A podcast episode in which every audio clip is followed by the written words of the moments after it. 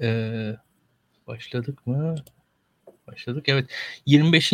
Nabız programında daha tekrar karşınızdayız. Ee, bugün e, sevdiğiniz bir konuğumuz tekrar lütfetti, bizi ziyaret etti. Ayşe Çavdar hoş geldiniz. Merhabalar. Hmm, Bu programda e, konumuz gençlik, buhran ve siyasette duygular. Ayşe Çavdar gelince birazcık daha e, rakamların arkasındaki hissiyatları konuşmak istedik açıkçası. Eyvah. Ee, evet. Ee, hazır onu bulmuşken.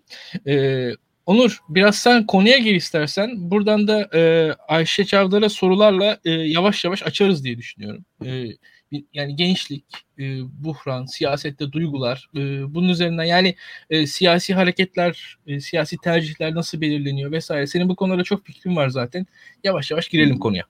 Ha, tabii ki bu arada konuya da girmeden önce e, sana attım topu hızla. E, kendi moderatörlük işimi yapmadın.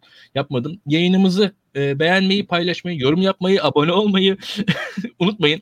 E, yayınımız eğer sevdiyseniz daha fazla insana ulaşsın istiyorsanız. Hı hı.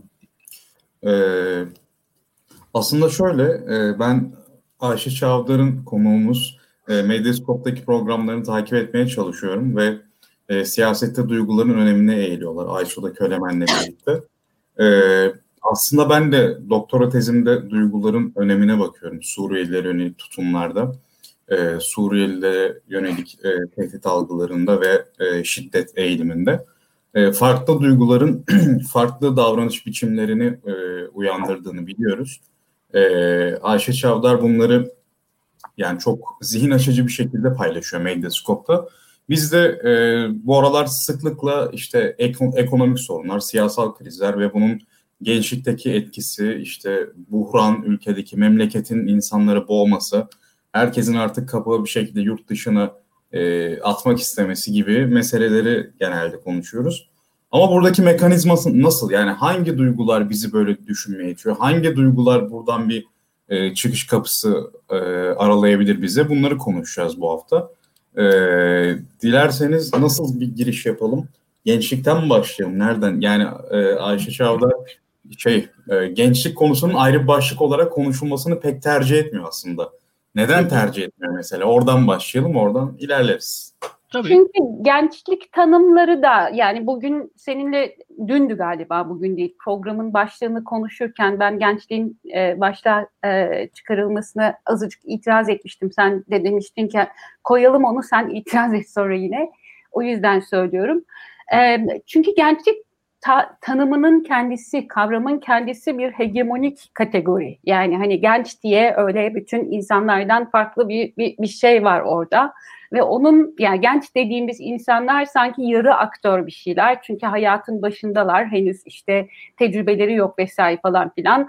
Ee, ve şekillendirilebilirler en önemlisi. Şekillendirilebilirler. Onlar adına biz karar verebiliriz. Onlar adına konuşabiliriz gibi bir e, durum var ve doğrusu ben bunun yani e, şeyde hani ne zaman gençlerle tırnak içerisinde söylüyorum gençlere ilişkin atıyorum genç diyemediğimiz için Z kuşağı diyoruz mesela buna ilişkin bir tartışma başlasa alttan hemen şey gelmeye başlıyor. O hani tartıştığımız insanlardan o kategoriye yerleştirdiğimiz insanlardan itiraz geliyor. Kimden bahsediyorsun niye bahsediyorsun niye ben bahsetmiyorum da sen bahsediyorsun diye ben bunun haklı bir tepki olduğunu düşünüyorum. Bu kategorinin dışına çıkmak lazım diye de düşünüyorum.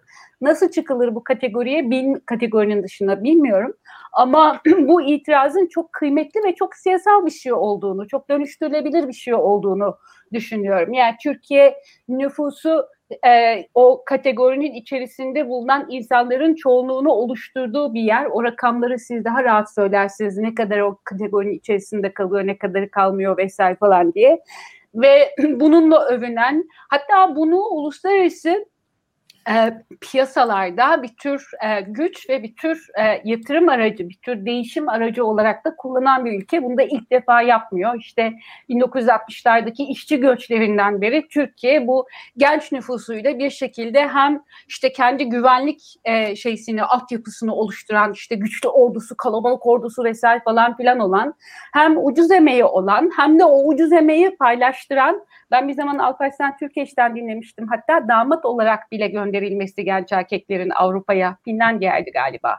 Finlandiya'ya e, söz konusu olmuş zamanında İkinci Dünya Savaşı'ndan sonra erkek kıtlığı. Bu bir efsane bence ama o, olmuş olsa da şaşırmam.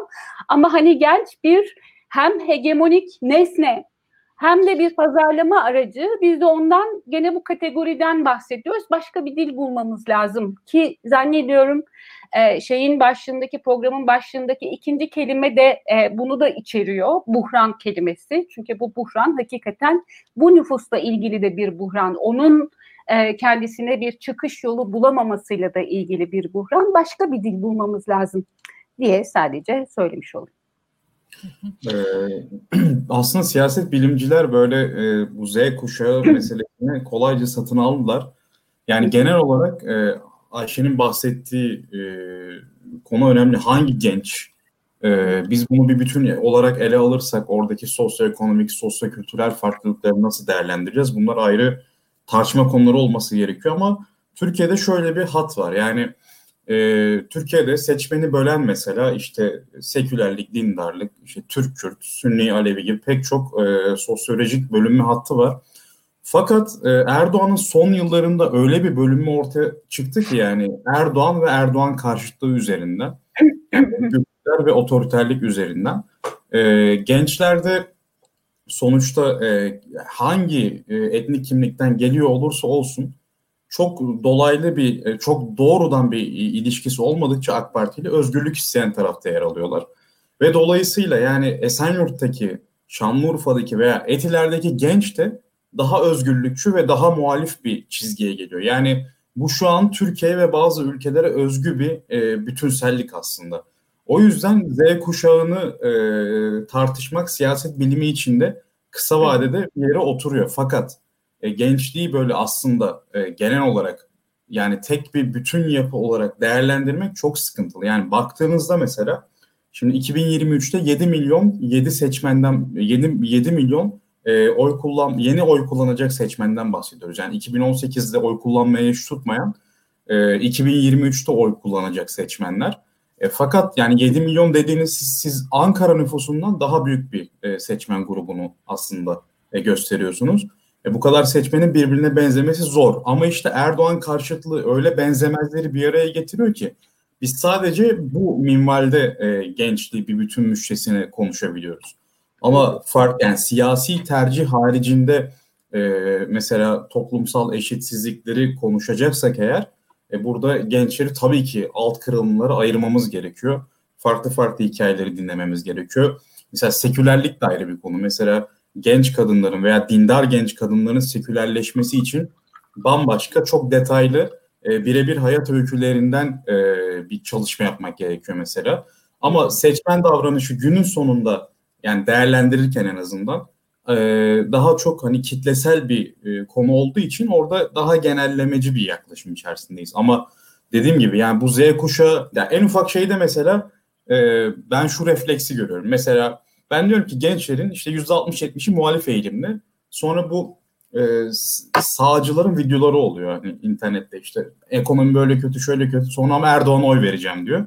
İşte Z kuşağın hali diye bana gönderiyorlar. Bak seni Z kuşağı görüyorsun ne kadar Erdoğan'a yakın sen hayal kuruyorsun filan diyorlar. Yani öyle toptancı bir Z kuşağı satacak halim yok. Ben sadece bir vakayı ortaya koyuyorum. Yani şu an muhalefet eğilimi var. Daha kuvvetli olan o. Yani Kürdünü de, Türkçüsünü de, işte sekülerini de, dindarını da bir şekilde birleştiren şey Erdoğan karşıtı. Ama bu geçici bir e, birliktelik muhtemelen. Sen ne düşünüyorsun İlkan bu konuda? Ya ben bir defa gençlik kavramının kullanılmasına yönelik eleştirilerin tamamına çok yürekten katılıyorum. Gençlik kavramının bir hegemonya dili olduğunu düşünüyorum. Yani onu söyleyeyim bir defa. Yani çok sıkıntılı görüyorum. Yani gençlik bir defa ım, teknik olarak geçici bir durum. Yani yani bunun üzerinden çok fazla ideolojik bir şey belirtmenin e, sıkıntılı olacağına yüzde yüz katılıyorum.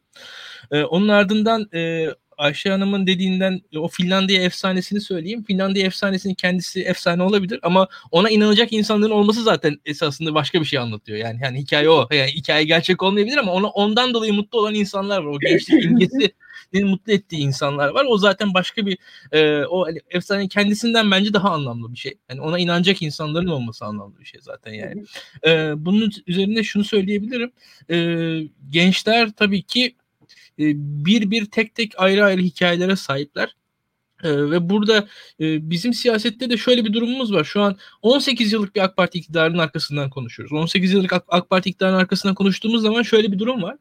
Türkiye'de e, hemen hemen herkes neredeyse yani toplumun %75'i 18 yaş üzerindeki bir defasında da olsa e, iktidar lehine oy vermiş. Yani e, bir şekilde referandumda evet vermiş, e, Cumhurbaşkanlığını halk seçsin dendiği zaman evet vermiş, 2002'de evet vermiş, hani Kürt meselesi üzerinden evet vermiş, bir kimi zaman daha dindar olduğu için evet vermiş, kimi zaman daha Avrupa Birliği'ni desteklediği için AK Parti'nin yanında yer almış, bir şekilde yer almış. Yani bir şekilde bu iktidarın bir parçası olmuş toplumun bir %75'lik kitlesi var aslında. Hani yaşı daha ileri olanlar arasında. Ya bunlar bir şekilde hayatlarının bir döneminde iktidarın yanında durmuşlar. Yani geçmiş geçmişlerinde. Şimdi gençlerin böyle bir bagajı yok bir defa. Yani hani burada bizde teknik olarak böyle bir durum var siyaset okuyacağımız zaman. Yani gençleri e, toplumun kalanından farklılaştıran böyle bir durum var. Hayatlarında hiçbir zaman iktidarın yanında olmamışlar en azından. Hayır, karşısında olmuşlar mı? Yok karşısında da olmamışlar. Ama yanında olmamışlar. Bu bence ayrıştırıyor. Yani ilgi çekiyor. Hakikaten de e, yani birazcık da o konuda dikkat ederseniz her zaman şeydir. Muhalif liderlerin neden e, iktidarı yoğun eleştirmediklerine dair daha muhaliflerin yaptıkları eleştiriler vardır. O eleştirilerin çoğuna hak veririm ama bir kısmında şöyle bir şey var. Ya bu insanların önemli kısmı hayatlarının bir döneminde Tayyip Erdoğan'ı beğenmişler diye toplumu da o muhalifler de öyle okuyor. O muhalif liderler de. Yani iktidarın merkezine yönelik çok sert eleştiriler e, toplumun e, o, o bir kısmı da o eleştirileri kendisine dair bir eleştiri olarak okuyabilir diye korkuyorlar diye düşünüyorum. Ha, bu gençlerde yok ama yani. Gençlerin en azından böyle bir e, bagajları yok diyebilirim. Farklı bir e, siyasi e, kimliklenme şansları olabilir diye insanlar umuyorlar. Ama e, benim tabii e, kenardan söyleyebileceklerim var. Çok derin bir şey ekleyemem size. Ben devam edin siz sonra katkısı sunmaya çalışayım. Hı hı. Ee, ses. Ben ben bir yorumla sonra da bir soruya bağlayarak e, Ayşe'ye vereceğim sözü. E, yani şimdi gençler e, Y ve Z kuşaklarından bahsedelim. 2023 tahminlerine göre e, seçmenin %30'u Y kuşağı olacak. Yani 1981 ve 1996 yılları arasında doğmuş kişiler. E, seçmenin %20'si ise 1997 e, ve sonrasında doğmuş olan Z kuşağına mensup olacaklar. Yani baktığınızda 1981 ve sonrası doğumlular seçmenin %51'ini oluşturacak.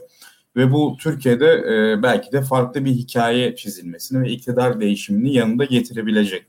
Aslında şöyle bir durum var. Yani 2019 yerel seçimlerini düşünün. İstanbul ve Ankara'da muhalefet kazandı. E, Türkiye'nin nüfusunun %51'i e, CHP tarafından yönetilmeye başlandı. AK Parti'nin yönettiği e, nüfus oranı %30'lara geriledi ve bir umut imkanı ortaya çıktı. Fakat günümüze baktığımızda gençler arasında ve genel siyasette de bu tablo var. Bu ümidin çok çabuk kaybolduğunu ve e, 2019'da parlayan siyasetçilerin kolaylıkla e, kredisinin azalabildiğini görüyoruz. Ya bunun nedenleri ne? Yani baktığınızda aslında Türkiye ben e, akademik çevrelerde takip ediyorum. Endonezya'dan Macaristan'a kadar e, otoriterleşme sıkıntısında yaşamış pek çok ülkede aslında 2019 yerel seçimleriyle bir ümit verdi insanlara. Bir model oluşturdu. Yani mesela Polonya seçimlerine bakın. E, orada Varşova Belediye Başkanı %50'yi zorladı tek başına örneğin. Macaristan'da yine e, Budapeşte'de de e, muhalefet bir araya gelerek kendi adaylarının e, seçilmesini sağladı. Fakat bu kadar ilham veren Türkiye niye kendi halkına, niye kendi muhaliflerine e, şu an umut veremiyor? Bu karamsarlık neden? Yani içine düştüğümüz bu buhran mı sadece? Yani başka bunu nasıl açıklayabiliriz? E, yorumunuzu bekliyorum. Teşekkür ederim efendim. Ee, şimdi bir şey söyleyeceğim. Ee, biz e, birbirlerinden farklı hikayeli olan, hikayeleri olan ama e, işte e, AKP rahatsızlığında, karşıtlığında demeyin rahatsızlığında birleşen bu insanların ortak hikayelerinin AKP olduğunu unutmayalım. Yani hani e, ortak hikaye de o. Yalnızca şey değil. Hani ortak itiraz değil aynı zamanda ortak hikaye. Onun bağlamında yaşanılmış. AKP'nin ördüğü çeşitli bağlamlarda yaşanmış. Onun domine ettiği çeşitli bağlamlarda yaşanmış hikayeler bunlar. Ve bu hikayeler son e, birkaç yıldır iyi yerlere çıkmadılar. Benim aklıma şey geldi. Ne zaman da hatırlayın, siz daha iyi hatırlarsınız belki. Bir sıkıldık şeysi vardı. Hatırlıyor musunuz? Hashtag'i yapılmıştı birkaç gün boyunca. Konu neydi hatırlamıyorum ama galiba Cumhurbaşkanlığı seçimleri öncesindeydi. Ya evet. da referandum öncesindeydi falan. Cumhurbaşkanlığı seçimleri öncesi. Cumhurbaşkanlığı seçimleri öncesindeydi ve Erdoğan'ın bir şeysi üzerine söylediği bir şey üzerine o sıkıldık gelmişti. Benzer bir hikaye Çapulcu'da da vardı yani. Erdoğan bize Çapulcu dediğinde biz hepimiz bir anda Gezi'de he çapulcuyuz ne olacak falan diye. Hani e, çapulcu ilan etmiştik kendimizi hatta marşları falan vesaire falan da yazıldı. E, söylemeye çalıştığım şu hani bu dönemde e, siyasete uyanan uyanan diyorum. Çünkü işte çocukluktan çıkıyor. Yavaş yavaş haberlere falan bakmaya başlıyor. Sokağı kendi gözüyle gö- görmeye başlıyor. Dünyayı kendi gözüyle görmeye başlıyor ve ayağında bir pranga var. O da Erdoğan'ın siyaseti. Yani hani hikayenin bir tarafını, o bunalımın bir tarafını bence bu oluşturuyor. O siyaset kendi içinde değişiyor ama hep aynı yere, aynı kişiye bağlıyor. Yani hani az önce İlkan şey derken %75 AKP'ye bir şekilde oy vermiş hani mevcut seçmenin %75'i bir şekilde AKP'ye oy vermiş ama hangi AKP'ye oy verdi? Yani 2002'den beri AKP o kadar çok yüz değiştirdi ki e, onun e, bir şey anlamına geldiğini zannetmiyorum. AKP başından itibaren zaten hani e, şeydi e, içindeki aktörlerin çokluğuyla bir şeydi. Şimdi o aktörlerden yalnız bir tanesi kaldı aktör diyebileceğimiz bir bu sıkıntı, sıkılma hikayesine e, bence iyi bakmak lazım. Sıkılma duygusuna iyi bakmak lazım. Yeter artık başka bir şey görmek istiyoruz. Yani hani sıkıldık artık. Çünkü bütün hikayemiz bir adam etrafında belirleniyor. Onun kaprisleri, onun değişimleri, onun arzuları, onun öfkeleri, onun bir şeyleri vesaire falan filan. Peki benim kaprislerime, benim öfkeme, benim arzularıma ne olacak? Benim yapmak istediklerime ne olacak? Ya bana sürekli bir şeyler olmamı söyleyen birileri var ve o yani o birileri e, şeyde yapmıyorlar. Hani o olmam gereken şeylerle ilgili bir detay, bir destek vesaire falan olmuyorlar. Bunu yap, şunu yap. İşte Fatih'in İstanbul'u fethettiği yaştasın. Şimdi dindar ol. Yok o, o kadar dindar olma, biraz milliyetçi ol. Onu da boş ver, biraz şu ol vesaire falan diyen sürekli kendisiyle birlikte değişmemizi talep eden, tepe sersemi yapan bir şey var. Şimdi kendimi de genç yerine koydum. Oradan konuşuyorum. O kadar genç olmasam da. Bir bu sıkılma hani e, emreden, bağırıp çağıran, e, sürekli yön değiştiren, onunla birlikte yön değiştirmediğim zaman beni sürekli azarlayan vesaire falan bir bir otorite var burada. E, ve bunun karşısında bir tepki oluşması normal. Şimdi ikinci sorun, ikinci kısmına geliyorum sorunun Lezi. Peki bunun karşısında bana önerilen ne? Yani az önce dedin ki yüzde 50 1981 ve e, sonrası e, şeyin e, seçmenin oranı bütün seçmene yüzde elli. Yanlış mı hatırlıyorum? Yanlış mı söyledim?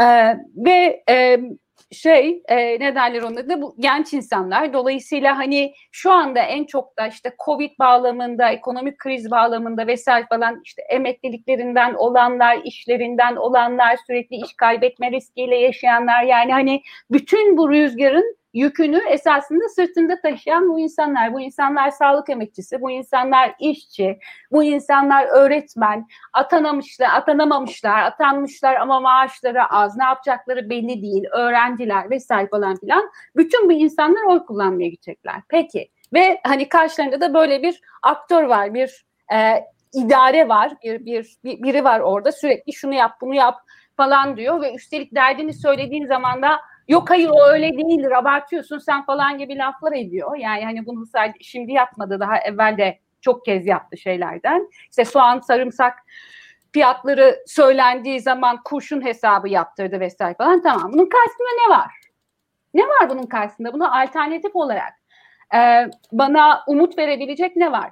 2019 31 Mart seçimlerinde umut veren şey Ekrem İmamoğlu değildi. Daha evvel de şeyin e, ya da Mansur Yavaş değildi. Daha evvel e, Muharrem İnce hikayesinde de Muharrem İnce değildi e, şey yapan. E, umut veren. Umut veren neydi? Bir şey oluyor.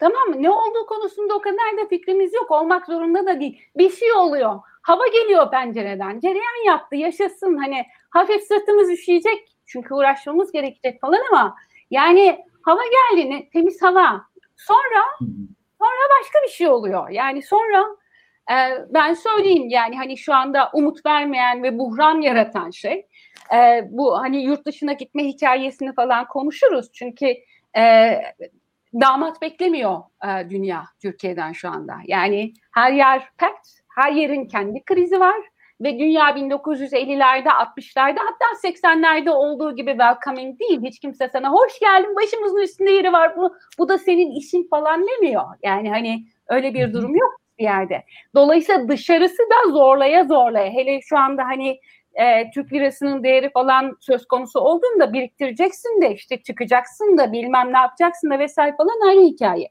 O zaman içeride bir şey yapmamız lazım. Peki içeride bu olmasın diyen, ben ondan daha iyiyim diyen insanlar ne diyorlar? Bence hiçbir şey söylemiyorlar henüz. Hiçbir şey söylemiyorlar.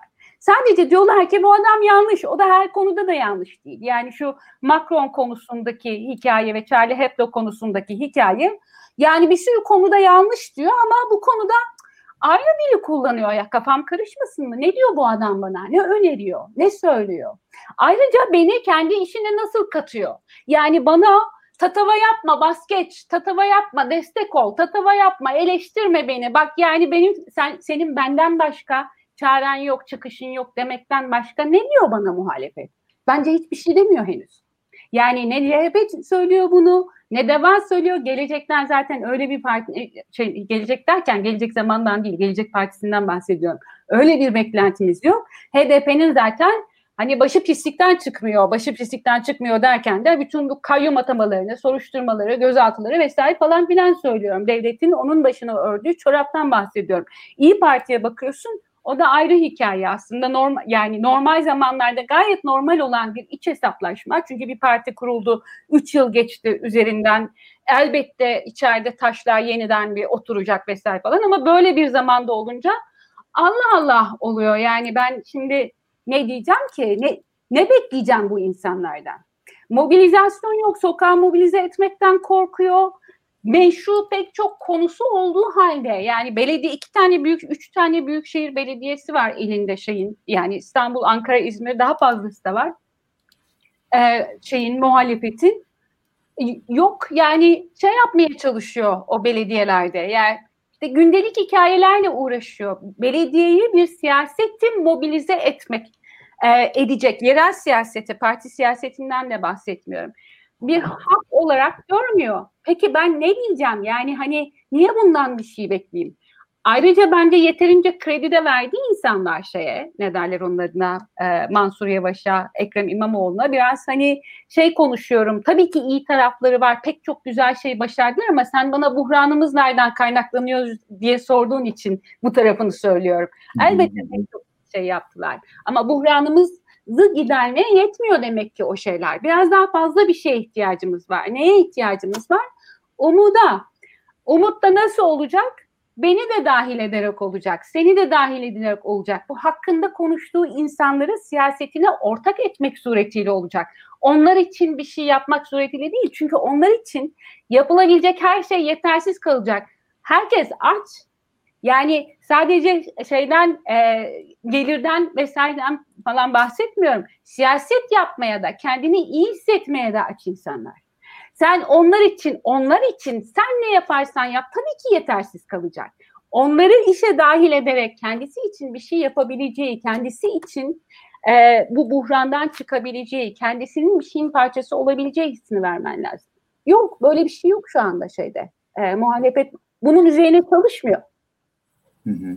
Ay, ee, yani e, ben buradan şunu anlıyorum. Yani siz muhalefet seçmenine bir şekilde bir aktörlük rolünü vermezseniz, o imkanı sağlamazsanız, yalnızca izleyici olarak kenarda bırakırsanız e, o hikayeye dahil olamıyorlar. O hikayeye dahil olmadıklarında buhran derinleşiyor. Seçmenine, bak seçmenine demiyorum. Siz özetleyin. Kararsızların e, şeysi oranı şu andaki anketlerde kararsızların oranı bütün partilerden daha yüksek çıkıyor AKP hariç. Değil mi? Yani değişiyor. hani değişiyor. Ama yüksek yani. En, az 15 puan. E, kendi seçmenine bir şey şimdi e, siyasi partiler iki şey yapıyorlar propagandalarında. Kendi seçmenlerine konuşuyorlar ya da AKP seçmenine konuşuyorlar. Hı hı. Ama orada yüzde yirmi neredeyse ortalama yüzde yirmi görebildiğim kadarıyla civarında seyreden bir kararsız hikayesi var. Ve o insanlar niye kararsız? Onlar yani onları bir şey o insanlar eğer AKP'den kopup kararsız hale geldilerse söyleyeyim deli gibi bir siyasi mobilizasyondan koptular. Delicesine her mahallenin her sokağın mobilize edildiği bir siyasetten koptular o insanlar. Hala bak hala bugün bile.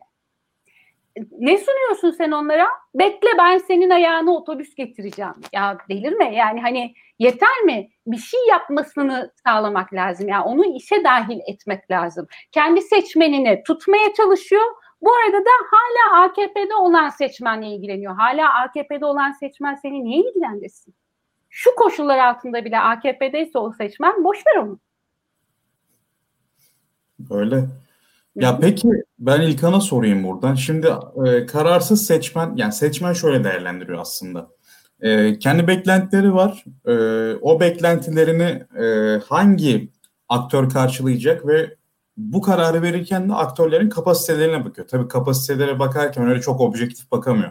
Kendi aidiyetleri, partizanı, partizanlığı, ideolojisi burada karışıyor. Mesela e, sağdan, mesela örnek vereyim e, aynı CV'lerde olan iki ekonomi bakanını düşünün yani aday olarak. Birisi hı hı. CHP'den olsun, birisi Deva Partisi'ne olsun. Kararsız kişi eğer sağdan geliyorsa CHP'den beklentisi çok daha yüksek oluyor Devalı'ya göre mesela. Böyle evet. şeyler için içine giriyor. Ee, tabii bunlar bireysel düzeyde açıklayabileceğimiz meseleler. Ee, İlkan'a sorayım ben.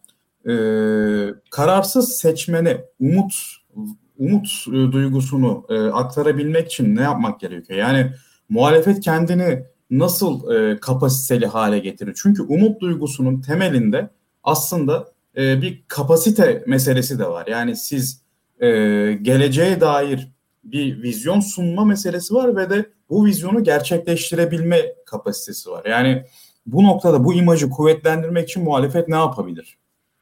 Ee, şimdi birkaç şey söyleyeyim. Birincisi muhalefet diyorsun. Yani muhalefet bir defa hani Kılıçdaroğlu, Akşener vesaire hani bir bunlar. Bir onun dışında hani muhalefetin entelijansiyası dediğimiz şey var. Ee, bence hani en büyük zaaf burada. Yani açıkçası liderlerden ziyade o, o aradaki entelijansiyada o söylemin yoğrulduğu yerde olduğunu düşünüyorum. Çünkü orada e, ciddi bir kötümserlik zaten her sabah e, pişiriliyor. Yani bugün ben Twitter'a girdiğim zaman akşama kadar ülkenin ne kadar berbat bir yer olduğunu okuyorum. Yani bu hangi insana heyecan verebilir ki? Hangi insan mutlu olabilir ki bunda? Yani en basit ben sabah giriyorum. Türkiye ne kadar rezil bir ülke, biz ne kadar iğrenciz. Şurada şuna tecavüz edildi, burada bunlar öldürüldü, şurası yandı, burası bitti falan. Berbat bir şey yok. Ya şimdi bu buradan bir umut çıkmıyor bir defa. Yani ve kararsız seçmenden bahsediyorsun sen. Kararsız seçmenin e, bu entelijansiyanın söyle e, kurduğu söylemle e, bir şekilde mobilize olması zor. Onu söyleyebilirim yani. Orada bir sıkıntı var. Yani muhalifliğin e, bir, bir kritik eşiği olduğunu düşünüyorum ben. Tamam ülke muhalefetin zaten adı üzerinde muhalefet yapması gerekiyor ve muhalif olarak konuşması gerekiyor. Çok doğru ama orada şöyle bir şey var. Ülke çok rezil bir halde olduğunu sürekli söylediğiniz zaman zaten yani ondan sonra neden siyaset noktasına doğru bir nihilist belki de sinik kinik ne dersiniz deyin işte o noktalara doğru evriliyoruz diye düşünüyorum ben. Orada öyle bir zaaf var. Yani e, entelijansiyasında ayrıca şöyle bir durum var. E, bizim muhalif entelijansiyamız ne yazık ki e, kendisini e, daha ziyade toplumun kalanına göre tanımlıyor. Yani biz hani her ne kadar AK Parti'ye popülist falan diyor, diyorsak da yani o da o kadar boş bir iş değil. Yani e, o tanımlama meselesi var. Yani kendisini çünkü e, şöyle söyleyeyim ben ben birçok muhalifin toplumun azınlığı olmaktan mutlu olduğunu düşünüyorum. Yani o, o tarz sıkıntılar var. Yani onlar e, az sayıda olmaktan, biricik olmaktan, yek, yek olmaktan mutlular. Yani o unik olmanın mutluluğunu, hazını yaşamak istiyorlar. Yani kendilerini işte sınıfın çalışkan çocuğu olarak görmekten falan haz duyuyorlar. Yani e, toplumun yüzde altmışının parçası olmak olmanın verdiği duyguyla toplumun yüzde onunun parçası olmanın verdiği duygular farklı şeyler. İkisinden ayrı ayrı haz alınabilir ama yani o e, az olmanın verdiği hazla çok alışmış durumdalar diye düşünüyorum. Orada belli zaaflar var bu ölçüde. E, yani e, şöyle söyleyeyim bir yandan sonra zaten hani dikkat edin e, zaten muhalifler seçim kazandıkça burada biz Twitter'da hep birbirimize giriyoruz yani. Onun sebebi de biraz o yani. yani. Sayı arttıkça birbirimizi yemeye başlıyoruz. Orada biraz böyle bir sıkıntı, zaaf var. O söylemin oluşmasında bir zaafımız olduğunu düşünüyorum genel olarak Türkiye'deki muhaliflerin. Ha, partilerin örgütlenmesi, örgütlenme kapasitesi bağlamında açık net. Yani AK Parti o konuda e, Ayşe Çavdar'ın muhtemelen benden çok çok çok daha fazla bilgisi var. Hissediliyor yani şu anda söylediklerinden. E, o örgütlenme kapasitesi çok net gözüküyor. Yani orada insanları siz e, yani haftada bir ya bir STK'da biz buluşturamıyoruz. Adamlar buluşturuyor yani hani çok net bir şekilde. Orada farklılık var. Yani e, hani en basit bu STK işlerine girmişseniz yani toplantı yapamazsınız. Yani herkesin bir işi çıkar vesaire. O, o, o organizasyonu yap, yapıyorlar. Yani o, o, o bir organizasyon kabiliyeti bir defa. E, farklılık var. Arada e, o alt düzey ağlarda e, ne yazık ki bir sıkıntı var ki hani hep denir ya e, yani ben işte CHP takip ediyorum yıllardan beri. Yıllardır her CHP'li şey der. Örgüt çalışmıyor der. Ya çalışmayan örgüt sensin aslında yani o CHP'ler. Yani o örgüt çalışmıyor diye bir örgüt diye bir şey yok. Hani örgüt diye bir üçüncü kişi var falan. Ya örgüt dediği o, o şikayetçi adam aslında yani siyaset yapmayan, çalışmayan vesaire. Muhaliflerde bir böyle bir durum var. Yani örgüt çalışmıyor diyor. Sonra işte AK Parti'nin nasıl 10 milyon üyesi var? Yani e, e öyle yani 10 milyon üyesi sen üye değilsin. Niye, sen niye üye değilsin bir onu düşün yani en basitinden. O muhalifler AK Parti'nin 10 milyon üyesi olmasından şikayet edecekleri yerde kendilerinin kendi oy verdikleri partiye üye olmaya tenezzül niye etmediklerinden üzerine biraz düşünmeliler belki de. Bir şekilde oralarda o partiler de bunu düşünmeli ayrı mesele ama oradaki e, farklılığı net görmek lazım diye düşünüyorum. E, bunun haricinde e, bizim yani umut orada kritik kavram. Hakikaten öyle. Yani umut olmadıktan sonra zaten e, yani her şey çok kötü olacaksa insanlar niye oy versinler, niye siyaset yapsınlar? E, ve burada gençlerden bahsediyoruz. Gençler dediğin zaman hani kelimenin e, yani gençleri tamamlayan şey gelecek. Yani orada bir o gelecek duygusunun ortada olması lazım ki ee, şöyle söyleyeyim yani burada yani eğitim sistemi diyorsunuz, aile diyorsunuz. Bu sistemlerin içine girdiğiniz anda sizin aslında bu sistemler size belli vaatlerde bulunurlar. Yani e, 15 yaşınızda sokağa çıkıp top oynamazsınız çünkü bilirsiniz ki dersinizde başarılı olursanız ileride doğru düzgün bir işiniz olacaktır. Yani bu vaatler şu an karşılanmıyor. Yani veyahut da işte e, daha çok çalışırsınız o gece eğlenmezsiniz bir sonrasında daha mutlu bir aileniz olur. İşte 25 yaşında artık harçlık almamaya başlarsınız. Bunlar hayatın size hani sistemin size vaatleridir. Sistem bu vaatlerini karşılamıyor şu anda. Yani e, bakılırsa derslerine iyi çalışan, e, belli şu X'i Y'yi doğru yapan, kanunlara uyan, e, poliste derdi olmayan vesaire bir şekilde her şeyine düzgün insanlar bir yerlere gelirler diye bakardık eskiden. Yok olmuyor iş. O iş öyle o kadar kolay değil. Yani şimdi ha şimdi bu sıkıntılar e, zaten hani yavaş yavaş da buhran meselesine doğru gidiyor. Yani e, diye düşünüyorum ben. E, burada sıkıntı çok. Yani isterseniz siz devam edin. Ondan sonra tekrar gidelim. Ee, ben şeyi gördüm. Şimdi İlkan e, biraz muhalif entelijansiyadan bahsederken, ya yani onları eleştirirken e, Ayşe'nin sanki bunu e, onaylamadığını gördüm. Ben bir şeyler ekleyerek yine sözü aktarayım. Tamam. Ya benim gördüğüm, İlkan'a katıldığım bazı hususlar var. Bazı entelektüeller şunları görüyorum. Melankoliyi çok seviyorlar. Hatta melankoli tacirliği yapıyor bir kısmı bence. E, nostaljiye bayılıyor. Yani burada genelde Türkiye toplumunda bu var. Çünkü biz e, göç kültürüyüz, göç toplumuyuz. Her insanın hayatı çok hızlı değişiyor Türkiye'de, çoğu insanın diyelim. E, dolayısıyla nostalji çok da ilginç bir şey değil. Hele ki mevcut şartlar ve gelecek size pek ışık vaat etmezse siz geçmişe sarılıp nostalji yapabiliyorsunuz. E, o, o şekilde kendinizi hayata bağlıyorsunuz. Bir de ahlakçılık meselesi var. Yani insanlar e, hata yapmaya çekinip kendilerini e, olumlu bir kimlik olarak yani kendi kimliklerini, kendi özbenliklerinden e, mutlu olmak adına ahlakçılığa da sarılabiliyorlar. Ben bu üç eğilimi gözlemliyorum ama günün sonunda e, tabii ki yani insanlar durup dururken kendilerini de depresif ilan etmezler yani. Sürekli bunu pompalamazlar, bu karamsar havayı yaymazlar. Bunun da dışsal başka nedenleri var. Burada sen ne diyorsun Ayşe? Valla ben çok şey söyleyeceğim. Uzatırsan beni kesin tamam artık falan deyin. Çünkü e, yani özür dileyerek diyeceğim. Neredeyse her noktasına Şey, itiraz edeceğim söylediklerinizin. E, şimdi şöyle söyleyeyim. Önce şu karamsar tabloyla ilgili bir şey söyleyeyim. O tabloyu inkar ederek ya da görmezden gelerek yapabileceğimiz hiçbir şey yok. O tabloyu sürekli yeniden çizmek zorundayız. Gazetecinin de bence entelektüelin de işi o. Bunu yakınarak vesaire falan filan yani bu, bunun dili ayrı bir hikaye. Bir kere gazetecinin dili diye bir şey olmaz. Gazeteci o manzarayı resmedecek ve söyleyecek. Zaten bunu yapmasın diye uğraşan kocaman bir iktidar varken biz mesela gazeteciye sen bu kötü haberleri niye veriyorsun falan diyemeyiz. Yani o kötü manzara eğer varsa, varsa o kötü manzara söylenecek, aktarılacak ve resmedilecek. Çünkü o kötü manzara bizim zaten neden kurtulmak istediğimiz, neyi değiştirmek istediğimizle ilgili bir hikaye. İkinci nokta entelijansiyanın görevi e, şey umut vermek değil öyle bir şey yok. Ben bu e, söylediklerin e, çok önce Türkiye'de gene bir taksi yolculuğunda başıma gelen bir şey e, şey yaptı hatırlattı bana. Ee, işte şey e, Sulukule'den geliyordum galiba işte Sulukule'ye şeydi e, ne derler onun adına Sulukule'nin yıkılmasını isteyen o, o civardan oturan bir taksiciydi. Ben de taksiyle şeye gelmeye çalışıyorum. E, İstiklal tarafına gelmeye çalışıyorum. Adam hani Sulukule için orada olduğumu duyunca tabii şey yaptı. Hani önce kızdı. Ben de konuştum onunla. Yani işte bak şöyle var, böyle var, şu hikaye var, bu hikaye var, yok bilmem ne vesaire falan ve sanırım gönlü yumuşadı yani bir şekilde ya da suyuma gitmeye karar verdi. Ne bileyim ben yani hani bir şekilde dedi ki ya siz önümüze düşüp niye bize doğru yolu göstermiyorsunuz?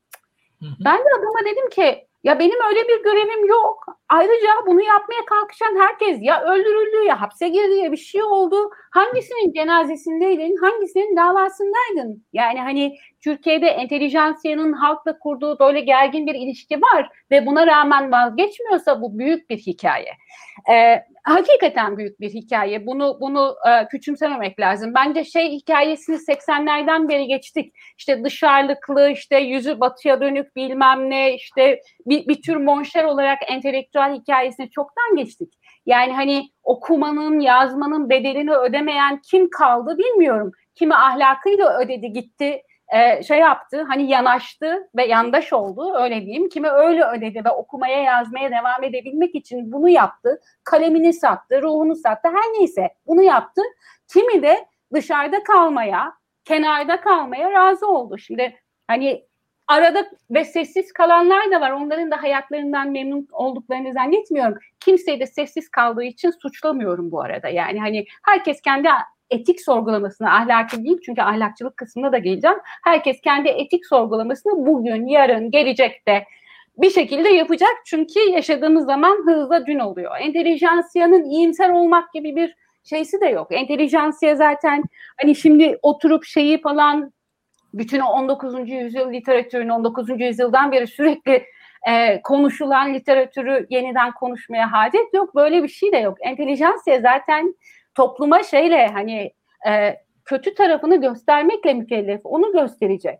Ha, ayrıcalıklı mı entelijansiye? Hele 2016'dan beri diyeyim. Hani ben de bir barış akademisyeni olduğum için rahatlıkla bu, bunu söyleyebilirim. Hele 2016'dan sonra bizim entelektüel dediğimiz insanların ki bence öncesi de var. 2000, ben gazeteci olarak 2009'dan beri gazetecilik yapamıyorum. 2009'dan beri gazeteciliği gönüllü bir iş olarak yapabildim sadece.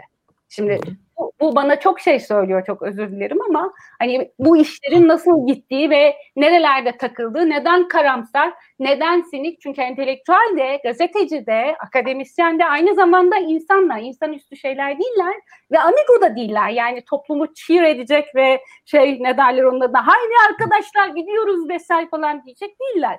Entelektüelin görevi zaten topluma neyle yüzleşmek istemiyorsa onu göstermek bir ayrıcalıklı ekip mi entelektüeller hiç zannetmiyorum. Hele Türkiye'de şu anda entelektüel olmanın bırak entelektüel olmanın yani okumuş diplomalı biri olmanın herhangi bir getirisi olduğunu zannetmiyorum. O yüzden o hikayelerin yani eleştirilerinizin doğru olduğu yerler vardı, zamanlar vardı ama bu eleştiriler entelektüellerle aramızda bir mesafe oluşmasına neden oldu ve bence bunun sonucu hiç de iyi olmadı. O yüzden bence oraları yeniden düşünmemiz lazım. Karanlık manzara varsa çizilecek özetle söylemek istediğim entelijansiyanın görevi de e, iyimserlik saçmak değil. Ben bir e, ben iyimser değilim. Ben umutlu bir insanım. İyimserlikle umut arasında ba- başka bir şey var. Ben umu, umutlu olmayı seçtiğim için şeyim. Ama böyleyken karamsar insanları suçlayamıyorum. Çünkü çok sebep var. Çok alametler belirdi yani. Hani böyle bir ortamda nasıl karamsar olmayacağız? Şimdi melankoli kısmına hiç değinmeyeceğim. Çünkü Tevfik Fikret'i bir zamandır okuyorum.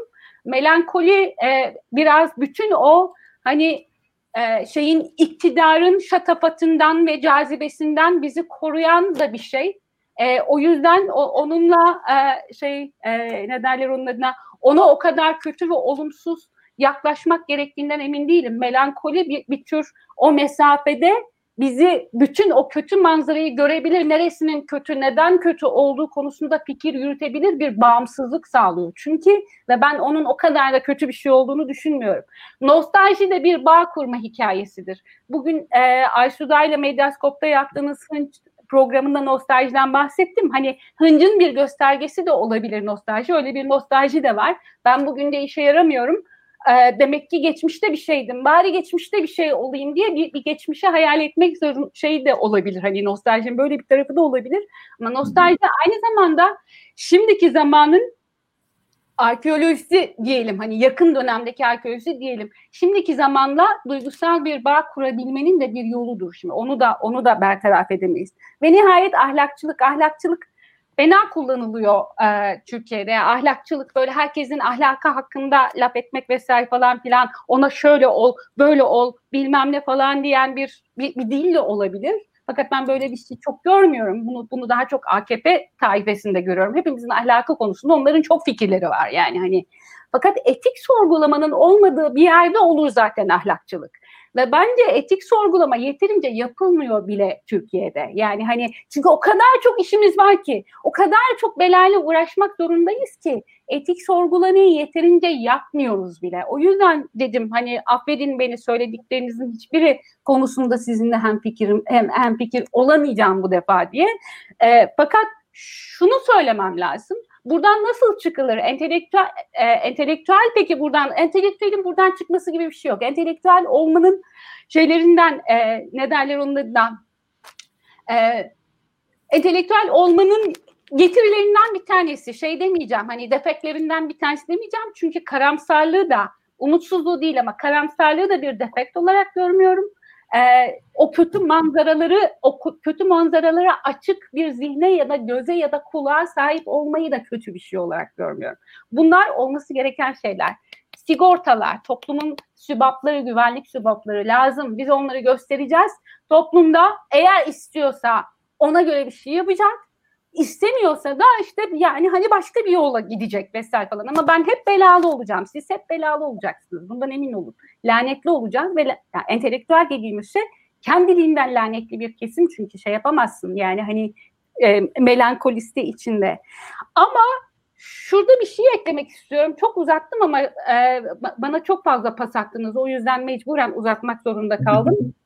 e, ben bu e, entelektüellerin e, karamsarlık yaydıklarını falan düşünmüyorum. O karamsarlığın iki, iki tane şey söyleyeceğim. Bir tanesi bu entelektüel enerjiden e, ne kadar e, besleniyor muhalefet, yararlanıyor demeyeceğim. Çünkü hani entelektüelle muhalefette bile olsa bir siyasi parti arasında direkt ilişkinin çok da iyi bir, bir fikir olduğunu söyleyemem. Yani yani kendi, kendi adıma yapmam bunu. Oy veririm, kime oy verdiğimi söylerim falan ama propaganda yapmamaya gayret ederim. Mümkün değil yani kendime yakıştıramam o hikayeyi.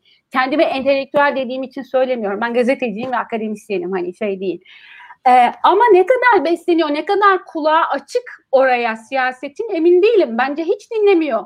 Hatta özellikle CHP'de şöyle bir e, şey var. Deva'nın kulağı biraz daha açık. İyi Parti e, pragmatik bakıyor entelektüel sermayeye, sermaye diyelim hadi ona. Ama CHP'nin bunlar ne derse tersini yapalım gibi bir şeysi var. Çünkü onlar bize oy kaybettirir, onlar bize momentum kaybettirir. Çünkü entelektüeller şeyi toplumu tanımıyorlar. Çünkü entelektüeller işte kara tablolar çiziyorlar ve zaten asıl önemlisi bizi de beğenmiyorlar.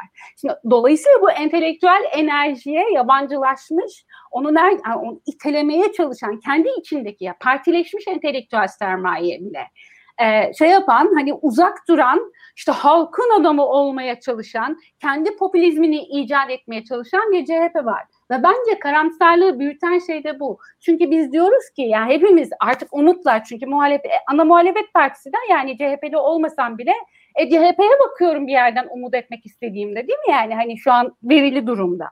E bakıyorum gördüğüm şey çok üzgünüm. Yani gördüğüm şey e, bugün bir e, tweet vardı çok güldüm. E, Edirne Belediye Başkanı Çakıcı ile fotoğraf çektirmiş. Şey e, Çankaya Belediye Başkanı Ulus Baker'in fotoğrafını astırmış. Ya bu bu nasıl bir parti? Tamam mı? Yani hani bu bu bu bu nasıl hani tamam iyimser tarafından düşüneceksek eğer şeydi bak ne kadar çoğulcu. Ama kardeş yani bunun da bir sınırı var. Bir hani bir, bir, bir şey bir şey olması lazım. E bu insana biraz hani bir dediğini bir dediğini tutmayan, bir türlü tutarlı bir siyasi şey e, göstermeyen, üstelik kendi klikleri arasında sürekli bir çekişme olan, o çekişmelerin şeyin e, önüne daha fazla geçtiği, yani hani bir siyasi proje vesaire falan filan, bir siyasi umut, bir gelecek, bir hayal kurmaya, bir, bir küçük hayal önüne geçtiği bir yerde, e, pardon yani entelektüele mi düşecek iyimser olmak? Ee, ben bu konuşmanda bir iki detaya e, takıl, takıldım demeyeyim takılma olmuş oluyor. Yani merak ettim aslında. İlkan'a söz verecektim ama e, şimdi melankolinin bir bağımsızlık alanı açtığını söyledin. E, aslında ben burada İlkan'a bir söz vereyim sonra ben sana ayrıntı sorularımı soracağım. Yani tamam. sen ondan ne düşünüyorsun? Ba- bana artık söz verdi. konuştum. Çok özür dilerim hakikaten. Hiç Sen bizim konuğumuzsun canım. Bütün program senin yani. tabii. ee, şöyle e, tabii belki de birazcık e, altını çizmek lazım. Şimdi entelektüeller Türkiye'de e, bir şekilde hani niye insanlara entelektüel diyoruz? Niye bir insanları diğerlerinden ayr- ayrıştırıyoruz? Şimdi orada birkaç şey var. Belli elinde aygıtları var mı bu insanların? Yani bu, bu, bu aygıtlar neler? Ee, birkaç biraz onlar üzerine düşünmek gerekir diye düşünüyorum. Biraz benim de kafam bu konuda yüzde yüz net değil ama e, birincisi şu.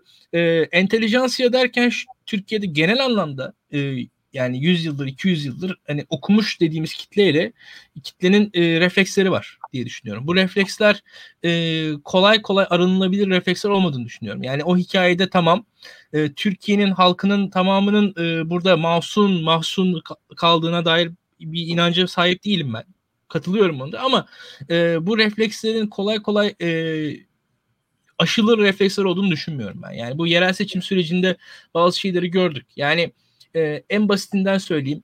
E, 31 Mart'ta 23 Haziran arasındaki oy farklarının Türkiye'de anla, e, öğretici olduğunu düşünüyorum. Bu oy farklarını bize yaratan e, yani Onur anlatsın. Hangi kesimler 31 Mart'ta tenezzül edip oy kullanmadılar da e, 23 Haziran'da oy kullandılar? Bu bunun ben öğretici olacağını düşünüyorum bu açılardan.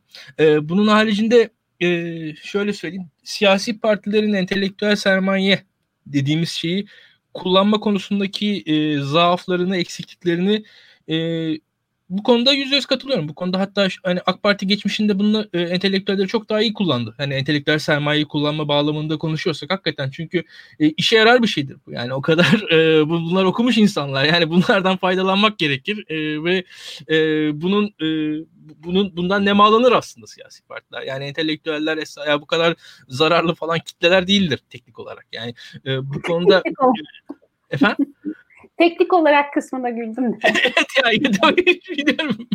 ya şimdi e, bu açıdan e, ben katılıyorum yani Cumhuriyet Halk Partisi'nin e, yani işte hani Yüksel Taşkın girdi Cumhuriyet Halk Partisi'ne sevindik. Yani hani o, o zamana kadar kimse yoktu neredeyse. Yani bir de yani orada bir bir tane en azından e, aynı dili konuşabileceğim. Efendim? Fethi Açıkel vardı. Ya işte ya ama ya çok bir şey. Yani Cumhuriyet Halk Partisi'nin e, şöyle söyleyeyim yani Cumhuriyet Halk Partisi gibi partinin olması gerektiği yerle hani e, en azından kendini refer ettiği yerle olduğu yer arasında ciddi farklılık var. Yani bu, bu, bu gerçek yani hakikaten. Şimdi en basitinden ya e, bugün e, bir Cumhuriyet Halk Partisi'nin en elit dediğimiz ildeki ilçe kongresine gidin bakın. e, orada oradaki profesörleri falan o içinde yaşayan görmeyeceksiniz. Dolmuşçuları falan göreceksiniz. Bu böyledir yani. Oradaki yerel siyasete girdiğiniz anda hiçbir şekilde entelektüellerin e, içinde olduğu bir siyasi parti değildir yani. O öyle bir e, içine almaz zaten. Kolay kolay siz en tepeden belki yani e, Kılıçdaroğlu sizi sever, orada birisi tanır falan filan öyle bir hani ahbap çavuş bir şekilde denk gelirsiniz olursunuz. Orada zaafları var Cumhuriyet Halk Partisi'nin. E, bunun haricinde e, şöyle söyleyeyim e, ben e, bir hikayenin anlatılması gerektiğine inanıyorum. Yani şu an Türkiye'de e, ciddi anlamda e, bir hayal kırıklığı olduğu kesin. Zaten bu hayal kırıklığı olduğu için de bir hikayenin anlatılması gerektiğine inanıyorum. Yani e, burada ya ben de bazı hani kendi konuşmamda mesela şey dedim yani hakikaten e, işte babam dedesinden daha iyi şartlarda yaşadı. İşte babam beni kendisinden daha iyi şartlarda yaşattı. Benim çocuğum benden daha iyi şartlarda yaşar mı?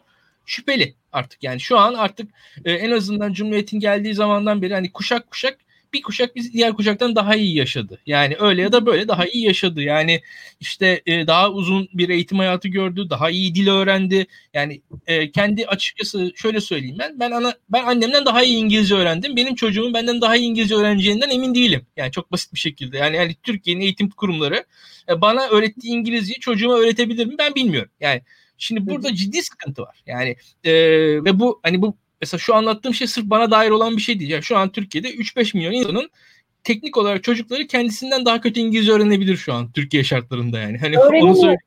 Evet öğreni Aynen öğrenemeyebilir. Aynen. Bu, şu an çok net gözüküyor ortada bu. Ee, buradan e, yani bir hikayenin anlatılması gerektiğini düşünüyorum. Ha şuradaki olay şu. E, ya ben bir defa Türk toplumunun e, şöyle diyeyim hani içsel olarak bir e, olumsuzluk e, barındırdığını düşünen fikirlerle ikna edilebileceğine inanmıyorum. Ya bu toplumu siz e, bir şekilde yani şu an Türkiye bu halde.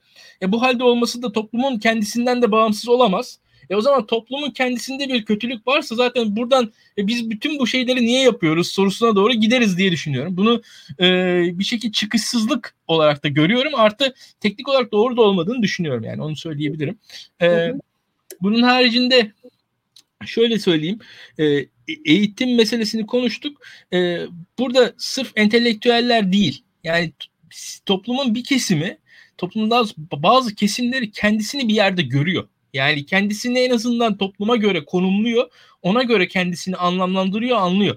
Yani burada e, işte sokakta gördüğü, kendisinden daha çirkin bulduğu, daha işte kara kuru bulduğu bir şey yani beğenmediği insanlara göre kendisini konumlandıran, kendisini anla, anlamlandıran bir bir, bir, bir e, dinamik var bence. Yani bu bunca popülizm diyoruz bu şeyler hani bu hikayenin tamamen boşuna çıktığını düşünmüyorum ben. Yani e, birileri gerçekten de e, ya birilerini sinir etmek için oy kullanıyor mu Türkiye'de? Evet. Ben yani gördüğüm kadarıyla evet yani burada e, şu an e, teknik olarak başkasını mutsuz etmek için siyaseten tavır alan insanlar var mı Türkiye'de? Ya, tamamen bu yüzden değildir tabii ki. Yani bunu her insan kendisi rasyonel açıklıyordur ama burada siyaseti duygulardan bahsediyoruz ya zaten duygular dediğimiz için ben biraz bu konulara girdim. Yani hakikaten o duygu var insanların içeri, içerisinde. Yani o bir e, e, bir defa hani en basitinden hani gençler açısından mesela onlar daha nötrler burada. en azından bizden belki daha masum kalabilirler. Onlarda bile mesela kazanan tarafta olmak diye bir şey var. Yani bugün hiç siyaset yapmamış, hiçbir şekilde aktif olmamış bir Milliyetçi Hareket Partisi bu kadar oy nasıl alabiliyor? Yani oradaki o devlet vurgusu, güç, o o o patrimonyal ataerkil hikaye, o bir kazanan tarafta olma duygusu bile yeter. O, o hislerle işliyor aslında. Hani yoksa bugün hani Devlet Bahçeli hangi mitingi yaptı da o %10 oyu aldı? Yani hiçbir şey yapmadı. Türkiye'nin en az e, en e, yani neredeyse emekli gibi takıldı yani bir şey ama oradan alabiliyor. Şimdi o sırf bu duygularla alabildi. Ya yani bu duyguların gücünü e, görmek gerekir diye düşünüyorum ve şöyle söyleyeyim e, yani kapsayıcı siyasetin bugün olmasa yarın, yarın olmasa sonraki gün e, sonuç verebileceğini düşünüyorum. Yani burada e, yani yerel seçimlerin az bir şey olmadığını ben inanıyorum açıkçası. E, kolay değil Türkiye'nin e, kendi kurduğu duvarları yıkması.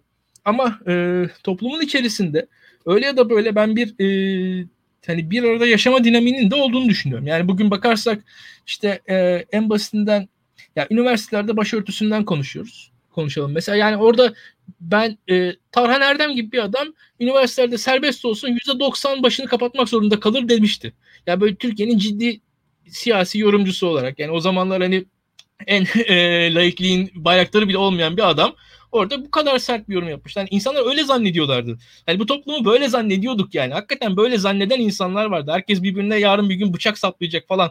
Ya bıçak falan saplamıyor. Ya veyahut da şöyle söyleyeyim. Ya işte faşist İzmir, e, ulusalcı İzmir, en en e, radikal milliyetçi İzmir tamam. Ama işte ya Kürt çocuklar İzmir'i tercih ediyorlar üniversite sınavlarında. Yani bunlar burada yaşıyorlar. Yani bunlar tekrar tanıyorlar birbirlerini. Yani bu bu toplum böyle her gün birbirini kesmiyor. Bir şekilde e, bu burada iyi toplumda gör, göreceğimiz hani şöyle söyleyeyim toplumdaki tabii ki kötü şeyler görülmeli doğru ama iyi şeyleri görüp göstermek hani gör, iyi şeylerin olması kadar önemli olduğunu düşünüyorum ben. Siz onları görüp gösterirseniz e, onlar olduklarından daha anlamlı hale gelebilirler e, ve bu hikayenin e, bir şekilde alıcısı da olacaktır diye düşünüyorum. Hı hı. Daha devam edeyim Benim e, sormak istediğim şey vardı burada. Şimdi umut, umutsuzluktan bahsettik. Bir de iyimserlik, karamsarlıktan bahsettik. Ama bunların farklı şeyler olduğunu söyledin Ayşe. Yani orayı biraz açabilir misin? Bir de biraz daha böyle güncel örneklere de yani hem iktidar tarafında hem de muhalefet tarafında bu ayrışmanın, bu duygusal ayrışmanın nasıl somutlaştığını biraz anlatabilir misin? Ben merak ettim açıkçası. O. Ee, aslında çok basit küçücük bir fark var. Yani umut aynı zamanda yapmak e, arzu ettiğim şey için irade gösterip çaba sarf etmemi de gerektiren bir şey. Yani oturduğum yerden ben çok iyimserim yani gelecekte iyi şeyler olacak vesaire falan e, demek bana çok karamsar bir tablo gibi geliyor açıkçası. Yani biraz hani wishful thinking.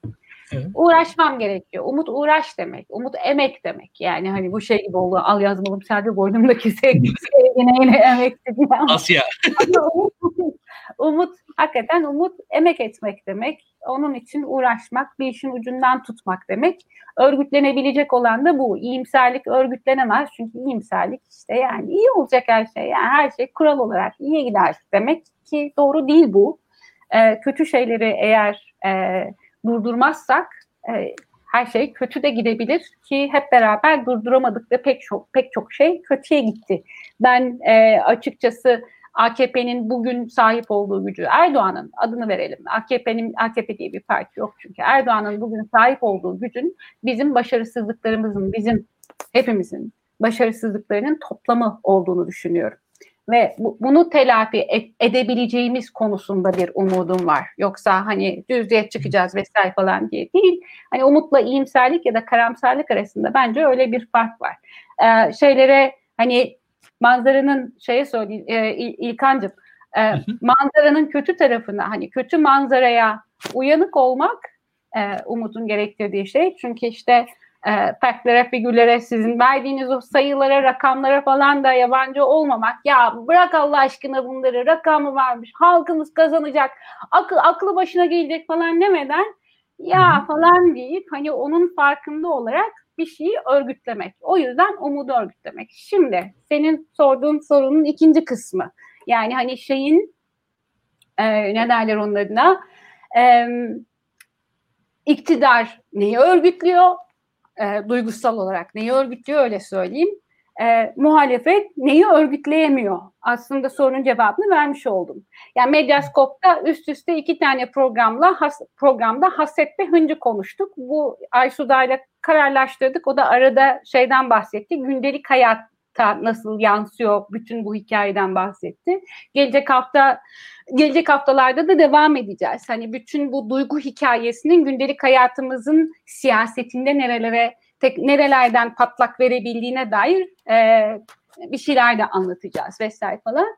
Şimdi e, AKP İslamcılığın hani kaynağındaki İslamcılığın da e, şeysi dolayısıyla tarihçesi ve malzemesi hani takım çantası dolayısıyla haseti ve hıncı örgütledi. Hıncı örgütlemek o kadar istediler mi istemediler mi bilmiyorum. Yani hani arzu ederek mi yaptılar bunu ama bir noktadan sonra özellikle 2007 civarında döndü bence hikaye. Hani o 2007'de 365 krizi miydi o hani o Cumhurbaşkanlığı krizi vesaire falan filan esnasında hıncın işe yaradığını gördüler. Pragmatizme, AKP'nin pragmatizminin kendisinin ve toplumun aleyhine, bence kendisinin de toplumun da aleyhine çalışmaya başladığı yer orası. Ha, yarıyor lan. Oluyor bak. Yani toplumu hatırlar mısınız bilmiyorum sizin yaşlarınız küçük gerçi hani benden. Ee, bir, bir hayli küçük hatta galiba birden ihtiyar hissettim kendimi. Şey e, hani CHP'yi topluma e, yabancı olmakla eleştiren AKP biz toplumu biliyoruz iddiasındaydı değil mi? Nesini biliyorlardı toplumun? Neresine dokunulduğunda hangi duygunun çıkacağını belki de ya da hangi arketipleri, hangi söylemi, hangi menkıbeleri, hangi hikayeleri kullanarak hangi duyguyu mobilize edebileceklerini biliyorlardı. Bundan öte bir şey yaptıklarını da düşünmüyorum. Onun yanında işte ufak tefek ona iş bulmak, buna 300 lira 500 lira bir yardım sağlamak vesaire falan ama ben daha önemlisinin bu duyguların mobilizasyonu olduğunu düşünüyorum. Haseti mobilize etmek kadar kolay bir şey yok Türkiye'de. Yani hani sonuçları çok ağır oldu. Çünkü çok büyük eşitsizlikler var en başından beri. Yani en başından beri çok büyük eşitsizlikler var. İmtiyazlılar var, imtiyazsızlar var. Cumhuriyet bir bu arada yarın Cumhuriyet Bayramı ve bunları konuşmak için gayet güzel bir e, zaman. Cumhuriyet bir eşitlenme projesidir mesela. Bu anlamda başarısızlığa uğraşmış, uğramış bir projedir. Ben bu, bu aralar şeyi çok okuyorum işte Cumhuriyet'in ilk yıllarında yazılmış romanı vesaire falan. Daha Ankara'da yani hani Yakup Kadri gibi birinden Ankara'da şeyde e, Ankara'da değil başka bir roman neyse e, şeyi e, duymaya başlıyorsun nedenler onun adına. Daha üçüncü yılında mesela daha üçüncü yılında düşün e, şey yapmaya o eşitlik projesi kendini e, başarısızlığa uğratmaya, kendi sonunu hazırlamaya daha üçüncü senesinde başlıyor. Yani hüküm gecesinden falan bahsediyorum o şeyden. Heyecanlanınca e, isim hafızam iyice gidiyor. Çok özür dilerim. Her neyse e, eşitsizliğin bu kadar bariz olduğu bir yerde haseti örgütlemek kadar kolay bir şey yok. Dolayısıyla bir siyasi dehadan falan bahsetmiyoruz. Ben siyasi deha diye şuna derim mesela. Yani hani insanları öyle bir örgütler ki hem o coherence sağlanır yani hani o e, şey örgüt içindeki şey e, sağlanır, uyum sağlanır. E, rekabet ona göre, örgüt içi rekabet ona göre düzenlenir. Kimse gidince işte bir yerlere çok uzaklara falan gitmez ama kalanlar da birbirleriyle hani uyumlu bir rekabet içerisinde olmaya devam ederler. Hani bir şekil işler yürür. Anlatabiliyor muyum? Kazanmaya da devam eder öyle ya da böyle. Ben açıkçası siyasi dehadan o müzakere sürekli kendisini yeniler mesela. AKP bir müzakereler küpü. Yani hangi kesimler arasındaki müzakere kaldı AKP'nin içerisinde? Örgütleyebildiği tek şey var. Hınç, ya yani iki şey var. Hınç ve haset ve bunlar birbirlerini besliyor sürekli olarak. Şimdi bu ve bunlar kolay örgütlenen şeyler. Çünkü hazırlar. Yani hani oradalar zaten. Cumhuriyet tarihinin e, başarısızlıklarıyla üretilmiş şeyler. O yüzden ben birkaç sene önce yazdığım bir yazıda işte Erdoğan bizim neyimiz olur e, diye sormuştum. Cevabım şeydi. O bizim başarısızlıklarımızın toplamı. Neyi beceremediysek, neyi kotaramadıysak, neden vazgeçtiysek onların hepsi onda bir e, cisim buluyor, onda cisimleşiyor. Anlatabiliyor muyum? Onun başarısı olarak üzerimize şey yapıyor. Yaptığı özel bir şey olduğunu düşünmüyorum. Siyasi bir deha olduğunu hiç düşünmüyorum açıkçası. Ee, öbür tarafa bakıyoruz. Öbür taraf neyi örgütleyemiyor diye sormamız lazım. Hakikaten hangi duyguyu örgütleyebiliyor e, şey e, muhalefet? Hangi parti hangi duyguyu örgütleyebiliyor? Kafası çok karışık. E, bugün e, sen söyledin burada da konuşuruz demiştim ama zamanımızı açtık konuşmaya vaktimiz kalacağından emin değilim. Suriyelilerle ilgili bu algı, tehdit algıları hikayesinde e, İyi Parti ile şey hani e, kimin Suriyelileri ne kadar tehdit olarak gördüğü konusunda İyi Parti ile MHP hem fikirler neredeyse. İyi Parti MHP fark atıyor. MHP'nin o hani biraz geride kalmasının sebebinde şey olduğunu zannediyorum. Hani Cumhur İttifakı olduğunu zannediyorum. Bıraksanız onlar daha ileride bile koşabilirler. Hı hı. E, neyi örgütleyememiş, neyi örgütleyebilmiş demek ki e, İyi Parti? Hani bakıyorsun söylemine mesela milyonlarca insandan bahsediyoruz değil mi? Yalnızca Suriyelilerden bahsetmiyoruz. Onlarla yan yana her gün öfkeyle yaşayan insanlardan bahsediyoruz. O aradaki hikaye neydi? Örnek olarak veriyorum Suriyeli ve işte e, tırnak içinde yerli Türkiye yurttaşı arasındaki hikayeyi. Niye bu hale geldi? Sadece Suriyelilerin sayısının çok yüksek olmasından mı? Kimse modere etmedi o ilişkiyi. Götürüldüler ve mahallelere bırakıldılar. Anlatabiliyor muyum? Ve sonra işte bir tarafa bir şeyler sağlanıp öbür tarafa ya durun işte acıyın merhamet edin işte en sardı muhacirdi vesaire falan üzerinden hiç böyle kimsenin inanmaya razı olmadığı bir hikaye verildi. Peki muhalefet mesela bunun karşısında ne yaptı? Hakikaten ne yaptı? Yani e, şeyin e, o, İmamoğlu'nun e, e, şey esnasında ne derler onun adına propagandası esnasında bu konuda ne kadar bocaladığını hatırlıyorum. Gene hani olumlu bir yerde bitirmişti. Tam şeyi hatırlamıyorum. Hani tam ne, nerede bitti hatırlamıyorum ama kendi tepkilerimi hatırlıyorum. Bir bir şey söylediğinde bir hoplamıştım. Ya ne diyorsun İmamoğlu falan diye. Sonra bir şey söyleyip onu toparlay toparlayı vermişti. Risk alarak toparlayı vermişti üstelik. Yani hani ve bu, bu iyi bir puandı onun için. Onun dışında ne yaptı? Mesela Bolu Belediye Başkanı'nı hatırlıyorum. Hatırlıyor musunuz Bolu Belediye Başkanı'nın ne Tabii. yaptığını? Bunu örnek olarak veriyorum. Hangi duyguyu örgütleyebiliyor şey? Hangi hikayeyi örgütleyebiliyor? Başından beri neredeyse 3 aydır benim de dahil olduğum bir dizi, hadi entelektüel diyelim ilk an kendimize, senin gözünden düşmek şeysine pahasına. Ee, şey deyip duruyoruz, yani muhalefetin, muhalefetin yazabileceği bir hikaye var. O hikaye hazır. Biz birbirimizle ittifak edebiliriz, yan yana çalışabiliriz. Kimse birbirinden nefret etmeden, siyasi rekabeti düşmanlığa dönüştürmeden yapabiliriz ve bu rekabet o zaman e, hepimiz için, hepimiz için iyi bir şeye dönüştürebilir, diyebilir, dönüşebilir diyebilirdi muhalefet en başından beri. Diyor mu? Demiyor. Niye demiyor? Çünkü siyasi rekabet, o siya, yani e, Alpan Telek yazdı bunu yenilerde. Siyasi rekabet siyasi kariyer, bir meslek olarak siyaset, siyasetin ne, ne hakkında olduğu sorusunun cevabının önüne geçiyor. Niçin yapıyoruz biz bu siyaseti? Sen, ben, biz, İlkan, sen, Nezih, sen, ben. Ne için konuşuyoruz burada? Görünelim bizi insanlar duysunlar, çok sevsinler, ünlü olalım falan diye mi konuşuyoruz? Bunun için mi kafa patlatıyoruz gerçekten? Değer mi yani şuna? Başka şeyler yapabilirdik bunun için. Peki hakikaten muhalefet ne için muhalefet yapıyor? Bir fikriniz var mı? Benim yok. Benim yok. Niye yok? Ya yani hiçbir duyguyu örgütleyemiyor. Umudu örgütleyebilir. Söyledim az önce. En baş en başa döneceğim. Umut ne? umut mobilize olmak demek çaba sarf etmek demek. İnsanlara her şey güzel olacak dediğiniz zaman hadi yapalım der insanlar. Hadi yapalım diyecek fırsat ararlar. Her şey nasıl güzel olacak? E Ekrem İmamoğlu sen nasıl tek başına her şeyi güzel yapacaksın? Nasıl güzel olacak her şey? Çünkü umut teknik de demek. Yani çalışacağım şu A noktasından B noktasına nasıl gideceğimin üzerine kafa yoracağım. Bir plan yapacağım. Tamam mı? O planı adım adım uygulayacağım. O esnada önümdeki engelleri göreceğim vesaire. Umut bu demek. Bana böyle bir plan sunmuyor.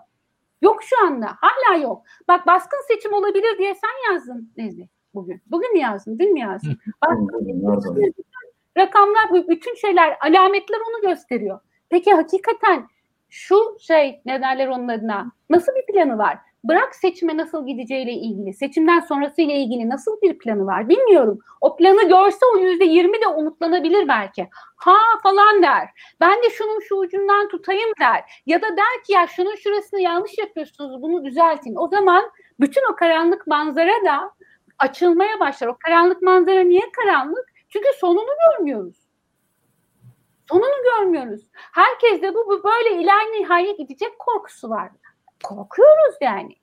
Çünkü şöyle şöyle durmamızı istiyor bizden herkes. Yani iktidar istiyor zaten, muhalefet de onu istiyor. Muhalefet bana diyor ki tatava yapma.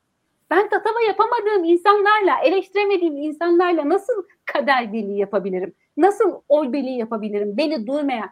Eleştirme ne, ne demek? Ya eleştirme şu demek. Yani ben bir şey yapıyorum işte, senin de tek çaren bu. Tamam mı? Yani çok da konuşma, işte baskı demek tamam mı? Pardon ama bu tavrın AKP'nin mevcut tavrından nasıl bir farkı var? Ne deniliyor bana. Bak ideoloji yani ideoloji herkes, bütün ideolojiler sonunda hepimize eşit olduğumuz, kimsenin aç kalmadığı değil mi? Öyle hayatlar önerirler. Nerede farklılaştı, farklılaşırlar? Yöntemde. Yöntemde nasıl bir farklılık var şu anda? Hakikaten nasıl bir farklılık var? Yani CHP'nin bana demesi lazım ki şey bile demesin ya ben şöyle bir plan bile yaptım bile demesin. Ya biz e, iktidar olmaya karar verdik. Nasıl olacağımız konusunu sizinle konuşmak istiyoruz ey halkım. Halkım bak seçmenim değil. Çünkü o da ayrı bir şey. Şimdi CHP'nin beni eleştirme şeysi ya bizi eleştirmeyin yani hani e, tavrı ya da HDP'nin de aynı tavır HDP'de de var birçok kez var. Biraz daha açıklar onların ama var yani bazı konularda. Tavrı şuna neden oluyor. Yani e, ne yapacağım? Hı hı. Değil mi? Ee, örgütlenemiyor ve şu anda yani hüngün ve hasedin karşısına koyabileceğin bir tane duygu var. Yani bir iki tane duygu var. Hınç ve hasedin karşısına koyabileceğin bir tane duygu. İlk duygu umut. Ama umut örgütlenmek demek hakikaten. Ancak örgütlenmek de mümkün olur. İkinci duygu da tanışıyoruz. Tamam mı? Tanışıyoruz, dayanışıyoruz. Yani yöntem aynı zamanda. Tanışıyoruz, dayanışıyoruz. Sıkılmıyoruz artık. Yani bulunduğumuz yerden çıkıyoruz. Uyuşmaktan, uyuşmaktan, uyuşkuluktan çıkıyoruz. Bu yani heyecan, coşku vesaire falan. Onu ancak bununla ve bunu veren kazanır. Çünkü hınç ve haset çok tükendi de aynı zamanda. Yani 18 yıldır var orada. Tükendi o enerji. Kendi hmm. doğal sınırına geldi. Ay çok uzaktım gene. Şöyle bir şey var bence. Ee, şimdi dedik ya Erdoğan Cumhuriyet projesinin başarısızlıkların toplamı diye bence de öyleydi. Ama e, 2020 yılı bence e, Cumhuriyetteki toplumsal mobilizasyonun hızının azaldığı bir yani bu ne demek? E, mesela biz göç toplumuyuz diyoruz ya. Aslında kırsaldan kente göç edebilecek kim varsa göç etti şu an. Yani bir donukluk dönemine girmiş durumdayız. Tersine dönecek evet. Tersine ya bilmiyorum. O, o ne kadar zamanda olur. Hızlı olacağını düşünmüyorum bundan sonra. Çok kolay olacağını düşünmüyorum. Dolayısıyla aslında yeni bir faza geçiyoruz. Yani bu fazda bence özellikle de diyelim ki bu iktidar değişsin. İktidarın değişmesiyle birlikte muhtemelen işte CHP'de e, yani CHP başkanı da değişecek muhtemelen. E, eğer partilerin de başkanları değişirse bence nesilsel bir e, değişim gelecek Türkiye. Yani biraz daha arka plandan büyük bir resme bakmaya çalışıyorum bu noktada. E, mevcut durumda da bu olabilir. Yani e, belki hani Kılıçdaroğlu gibi isimler ya da Meral Akşener gibi daha tecrübeli isimler arka plana çekilip e, bu baskın seçim senaryolarına odaklanırsa onlar arka planda artık hangi aday hangi sistem olacak tartışmalarına girerlerse belki daha yeni isimler mesela işte CHP'nin MYK'sında e, az önce saydığımız isimler var. İşte Yüksel Taşkın var, Gökçe Gökçen var, e, Selin Sayık Böke var. Farklı isimler var. Bunlar bir araya gelebilir. İşte CHP, İyi Parti gibi partilerin İstanbul ve Ankara ekipleri mesela daha yine genç isimler. E, 31 Mart gecesinde bizatihi örneğini yaşadığımız toplumsal e, örgütlenmeyi bir şekilde sağlayabilmiş e, bir yapı var. Bence çok da aslında potansiyel olarak e, geride değiliz bence. Yani baktığımızda e, muhalefette yerel seçimlerde bir araya durabilmeyi e, aslında bir noktada öğrendi. Toplumda mesela İstanbul gönülleri örneği var veya ya zaten Gezi'den beri aslında e, Türkiye gençliğinde bir motivasyon da var bu noktada. Gezi de bence öğretici bir tecrübe oldu. Yani herkesin bir araya gelebildiğini gösteren bir şey oldu. E, bu noktada tabii biraz kıvılcımın çakılması gerekiyor. E, ama ya bu noktada neden çakılamıyor tartışması bence e, şundan kaynaklı. Gerçekten biraz hazırlıksız yakalanmış gibi muhalefet. Neden? Şimdi teknik bir sıkıntı var. Neden? Onu söyleyeyim. Diyelim ki baskın seçim olacak 2021'de. Yani ortada bir lider potansiyeli yok şu an. Mesela İmamoğlu ve Yavaş diyelim ki aday olabilecekler. E, bu da İstanbul Büyükşehir'in ve Ankara'nın bırakılması demek. Yani bu da kolay bir iş değil. E, dolayısıyla insanları e, nasıl diyelim iştahla siyasetin peşinde koşturacak bir rüzgar oluşmuyor şu an. E, ama belki şartlar bunu zorlayabilir. Yani bu ara fetret döneminden çıkabiliriz. Yani aday çıkmaz ikisinden biri bırakır. Yeniden o 2019'daki umut ve coşkunun aynı anda yaşadığı atmosfere geri dönebiliriz diye düşünüyorum. Yani anlıyorum entelektüelin rolü yani sonuçta şey gibi bu Sokrates'in hikayesi gibi işte e, toplumu uyandırmaya çalışmak bir günün sonunda. E, buna okeyim, bunda mutabıkım. E, ama bence bir noktada da e, biraz daha yapıcı, yapıcı derken eleştirmemek Tamam, böyle değil. Yani önerisi olabilir. Mesela ben şöyle yazılara çok tepkiliyim. Yani mesela popülizm tartışmalarına falan çok oluyor. Şunu yapalım, bunu yapalım böyle çok soyut. Yani oturup bir şey okumana gerek yok yani. Onu ben hissi olarak da bir saatte yazarım. Onu herkes yazar. Yani biraz daha somut sistem önerileri belki geliştirebilir. Yani biraz daha uzman isimlerden bahsediyorum tabii. Çünkü bir tıkanmışlık var. Hani diyorum ya bir kıvılcım gerekiyor. Yani belki diyelim ki işte İmamoğlu Yavaş gibi isimler olmayacak. Başka da aday bulunamıyor. Farklı bir mesela kabine e, modeli çizilebilir. Birkaç isim bir arada birlikte bir kampanya tasarlanabilir gibi gibi şeyler. Yani biraz yaratıcı düşünceye ihtiyacımız olduğunu düşünüyorum Türkiye'nin. Yani tıkanmışlık içerisindeyiz. Tıkanmışlık da normal yani baktığınızda Kemal Kılıçdaroğlu mesela yani iyi niyetinden ben şüphe etmiyorum, dürüstlüğünden şüphe etmiyorum ama hayatına yurt dışına çıkmamış. Kendi işinin sahibi değil. Sürekli ATM'den maaşını almış, devletten parasını çekmiş. İşte iyi bir bürokrat, okey, iyi bir milletvekili, iyi, yani iyi bir genel başkan mı tartışılır, dengeleri koruyan bir genel başkan. Sürekli maaşını alarak çok da risk almadan, son birkaç senedir biraz risk alıyor, yaşamış bir insan. Keza Meral Akşener de öyle. Yani bir şekilde devletten maaşını almış, işte yine yurt dışına gitmemiş. Bu isimler hiç yabancı dilde bir şey okumuş mu şüpheli.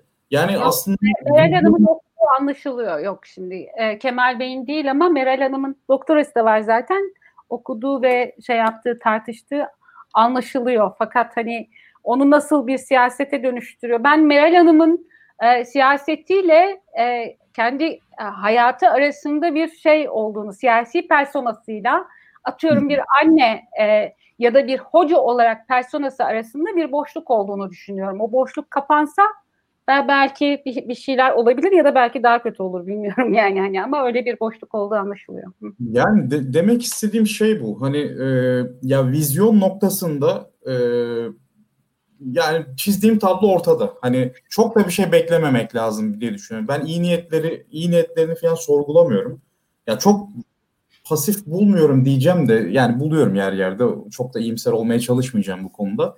Ee, ama bence entelektüelin bu noktada biraz yaratıcı düşünme ihtiyacını e, de göz önünde bulundurması gerektiğini düşünüyorum açıkçası. Ee, bir de birkaç sorun var sizlere. Başka bir konuya geçeyim öyle e, tamamlayayım. Şimdi bu Bahçeli ve Erdoğan'ın açıklamaları var ya en son. Biraz da o tarafa bakalım. Muhalefeti bugün konuştuk. Ee, şimdi Bahçeli mesela askıda ekmek kampanyası başlattı değil mi? Yani Bahçe, Bahçeli'nin bunu yapması ne demek? Ülkede bir kriz olduğunu kabul etmek demek. E, iktidarın bir şekilde acziyet içinde olduğunu göstermek demek.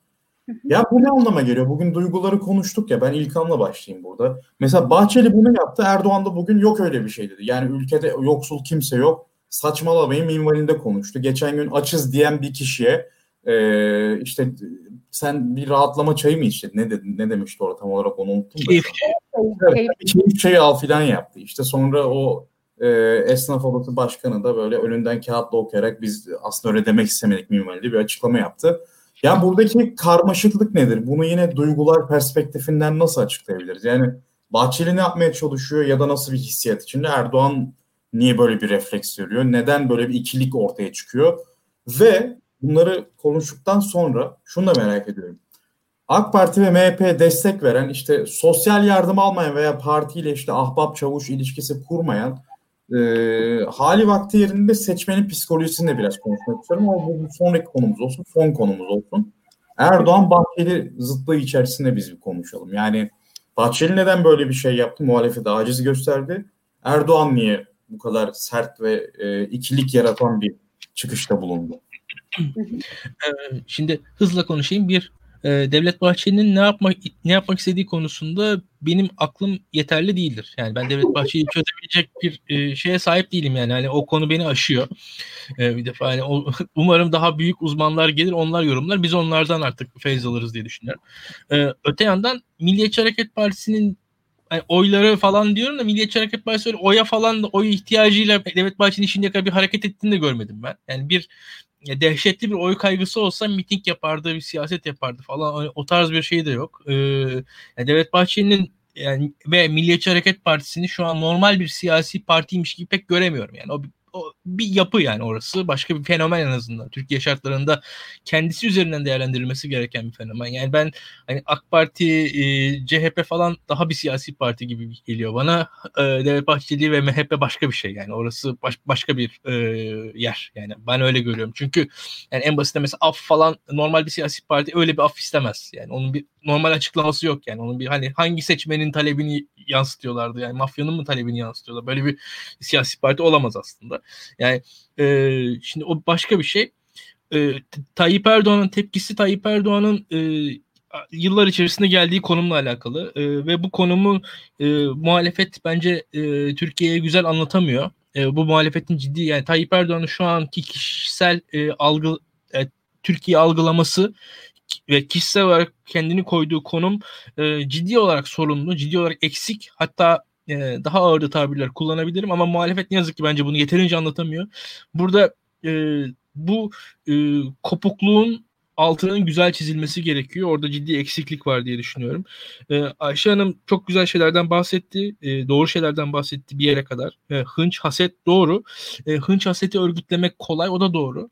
Ee, ama hıncın, hasetin oluşacağı ortamın bir şekilde e, o öyle bir ortamın oluşmasını engelleme çabasını da ben anlamlı görüyorum. Yani onu söyleyebilirim. Yani orada e, bu bunu belki e, bir kısmına pasiflik olarak değerlendirerek karşı çıkabilirsiniz ama bir kısmının da o kadar anlamsız olmadığına ben hala inanıyorum öyle söyleyeyim.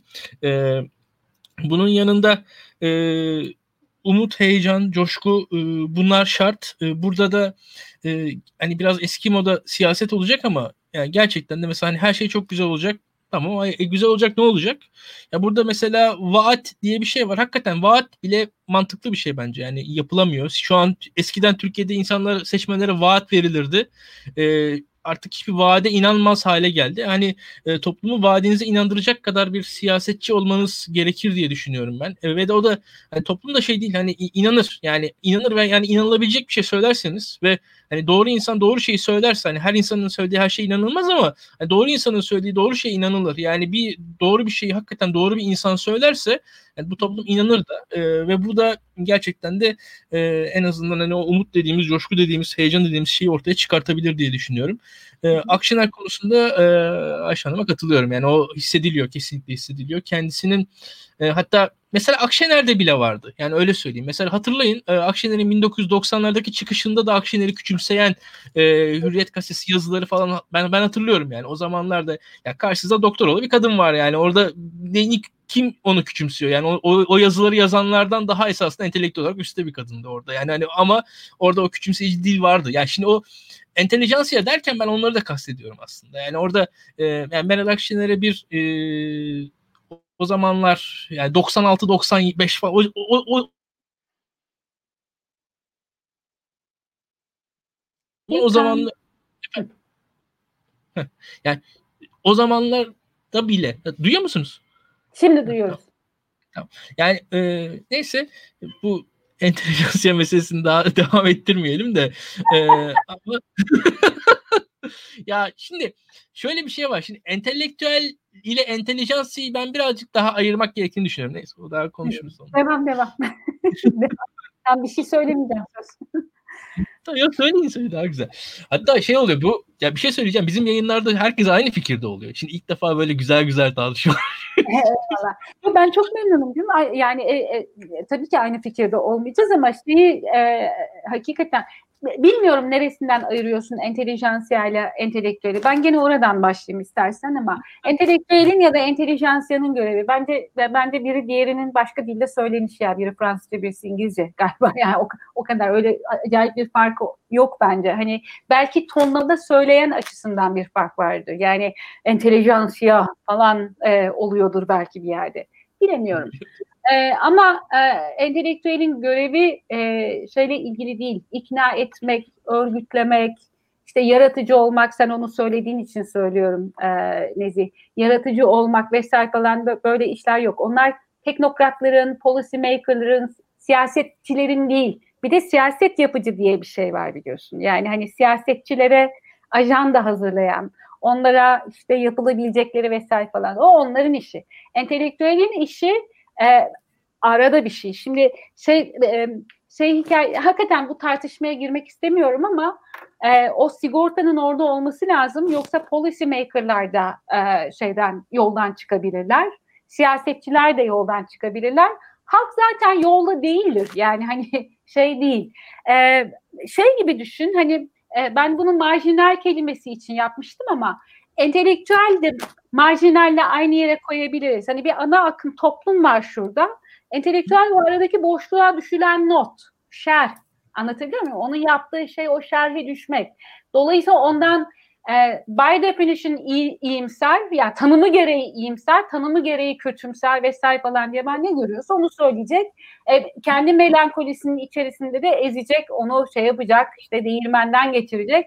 O öyle biri. Ona ne kadar bağımsızlık alanı sağlıyorsam o sayfanın hani marjda değil de ana akımında olan e, yerini daha görünür ve hani kotarılır e, kılabilirsin. Benim hatta bu kısmına bir e, şeyim var. Hani benim işim mi e, şey olarak akademisyen olarak entelektüel olarak demeyeceğim. E, ben mesela şeyle çalışmam. E, kurbanlarla e, alt sınıflarla vesaire falan ilgili araştırma yapmam. Çünkü onlarla beraber siyaset yapmayı tercih ederim. Ben e, onların atıyorum nasıl örgütlendiklerini, işte ne yaptıklarını, nasıl hayatlarını sürdürdüklerini, neye ikna olduklarını, neyi sevdiklerini, neyi sevmediklerini devlete bildiren ve onun ona göre onlara karşı bir e, şey yapmasını, ne derler onlarına, polisi geliştirmesini örgütleyen insan olmak istemiyorum. Çünkü devletin iyi, iyicil bir şey olduğunu düşünüyorum. Anlatabiliyor muyum?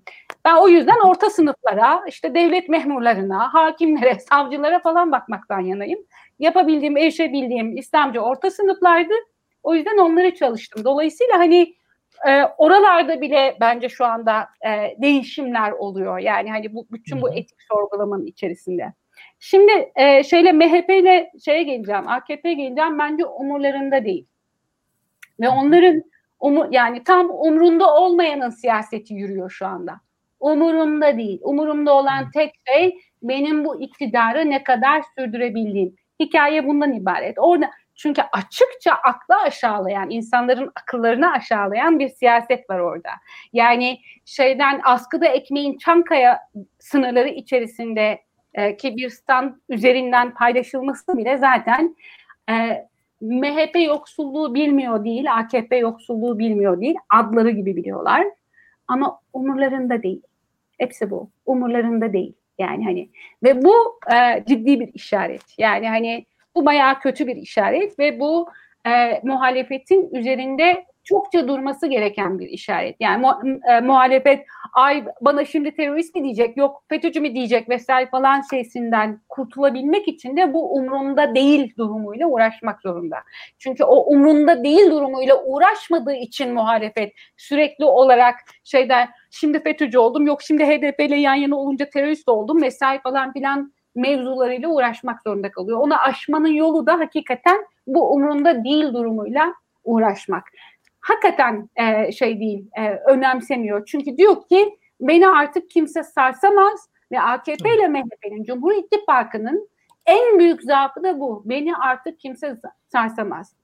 O yüzden Ekrem İmamoğlu'na baktığında sen sormuştun e, şey e, Ruşen Çakır bir program yaptı. Niye sevmiyorlar Ekrem İmamoğlu'nu diye. Hani ben dedim ya Erdoğan'a baktığımızda bizim başarısızlığımızı görüyorum diye hani ortak müşterek başarısızlığımızı Cumhuriyet'in sadece bizim kuşaktan falan bahsetmiyorum. Cumhuriyet'in ortak başarısızlığını görüyorum Erdoğan'a baktığımda. Onlar da Ekrem İmamoğlu'na baktıklarında yavaşa değil ama Ekrem İmamoğlu'na baktıklarında kendi müşterek başarısızlıklarını görüyorlar. Yani o yüzden o yüzden ondan hoşlanmıyorlar. Yani e, şey e, çünkü onlar eğer bildikleri gibi e, olsalardı, kendi arzu ettikleri gibi olsalardı açık konuşalım. Ekrem İmamoğlu'nun iddia ettikleri gibi olsalardı Ekrem İmamoğlu'nun bir şansı olmayabilirdi. E, bence öyle bir e, hikaye var orada. Bu umrunda olmayıştan, e, olmayışı şuralardan da çıkarmak mümkün. Yani askıda ekmeğin vesaire falan ötesinde. İşte geçenlerde İbrahim Kalın bir açıklama yaptı. saray civarında çalışan herkese e, haftada bilmem kaç kez e, şey yapılıyormuş. E, hatta e, yakın çalışanlara günde iki kez test yapılıyormuş. Şimdi böyle bir şey varsa bile bunu söylememek lazım. Anlatabiliyor muyum? Umurunda olsa bunu söylememen lazım. Şimdi bu İbrahim Kalın yani hani İbrahim Kalın söyledi şey değil yani bu, bu böyle birimize şey yapılmış fısıldanmış bir bilgi, bir sızma vesaire falan değil. Umrunda değil. Ya da işte şey Fransa'yla e, boykot meselesi ve onun management'ı etmiyor. Yani şey yap e, idare edemiyor değil bak. İdare edemiyor değil. Etmiyor. Çünkü umurunda değil. Anlatabiliyor muyum? Ya da Ünye'de iki gündür e, gördüğümüz manzaralar. Ortalar dökülmüş vaziyette. Yani koronayı moronayı dinlememiş insanlar topraklarını, sularını korumaya çalışıyorlar. Kasabalarını, bahçelerini korumaya çalışıyorlar. Ve onlar ortalıkta umurunda değil. Şey Hatay kaçıncı kez yakılıyor Allah aşkına İskenderun? Yakılıyor açık yani. Umrunda değil. Umrunda değil ve yani bu hem gücünü hem de en büyük zaafını oluşturuyor ve e, gene söyleyeceğim karamsar bir şey e, entelektüel tablosu çizecek bile olsa iktidar bunu okumak yerine işte Macron'a haddini bildirmekle meşgul e, ya da Charlie Hebdo'ya yani Charlie Hebdo korkunç bir iş yaptı. Hakikaten çok gereksizdi ve çok sorumsuzdu ve çok acayip çirkin bir şey yaptılar. Ona bir şey söylemiyorum. Ama her şeyi bırakıp bununla uğraşmak bu kadar iktidarın umursamadığı hayati meseleler varken hakikaten ne yapıyor muhalefet ve bu neden beni umutlu kılsın. Yani iki tane belediye alınca ki o belediyeler her an geri alınabilir. Allah korusun kayyum atanabilir. Her şey olabilir. Yani eğer durdurmuyorsak bunu bütün bunlar olabilir. Peki ben bu umutsuzluktan nasıl çıkacağım o zaman? Bu karamsarlıktan nasıl çıkacağım? Yani iki tane belediye kazanıldı. İstanbul'daysam eğer e, şey mi olacağım yani yaşasın hiç değilse benim belediyem ya da işte Mansur Başkan çok şanslıyız Ankara'dayız çünkü mi diyeceğim? Nasıl diyeceğim bunu? Gerçekçi mi olacak bu? E, çok önemli bir şey söyledin. İlkan vaatler dedin. E, siyaset vaat üretmeli vesaire falan. Bence hiç yapmaması gereken bir şey. Bugün seninle hiç aynı fikirde olmadık galiba. Bir, bir iki nokta. Ee, şey bence vaade hiç gerek yok şu anda. Kimsenin vaat falan dinleyecek hali yok. Bence gereken tek şey var. Mobilizasyon. Gençlerin mobilize, gençler, herkesin kendisi için mobilize olmasını sağlayabilmek gerekiyor. Anlatabiliyor muyum? Herkes kendi yararına mobilize olsun.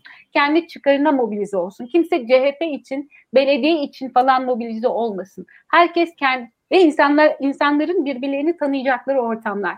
Dedim ya haset ve hınçta duvarlar şey yapıldı e, yükseltildi. O duvarların aslında fiziksel duvarlarında yani bence o haset ve hınç e, şehirlere de yansımış vaziyette şey olarak site mimarisi olarak yani hani şeyin zenginin kendisini e, duvarın dışındaki haset ve hınçtan koruduğu bir mimari organizasyonla sakatlandı İstanbul. Ben belediyenin yerinde olsam, İBB'nin yerinde olsam bir bakarım hani ilgili düzenlemeye, regülasyona nedir onların halleri.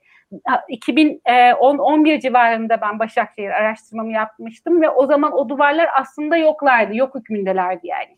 Fiziksel olarak vardı ama yok hükmündelerdi. Ben olsam yıkarım onların hepsini. Yıkarım onların hepsini.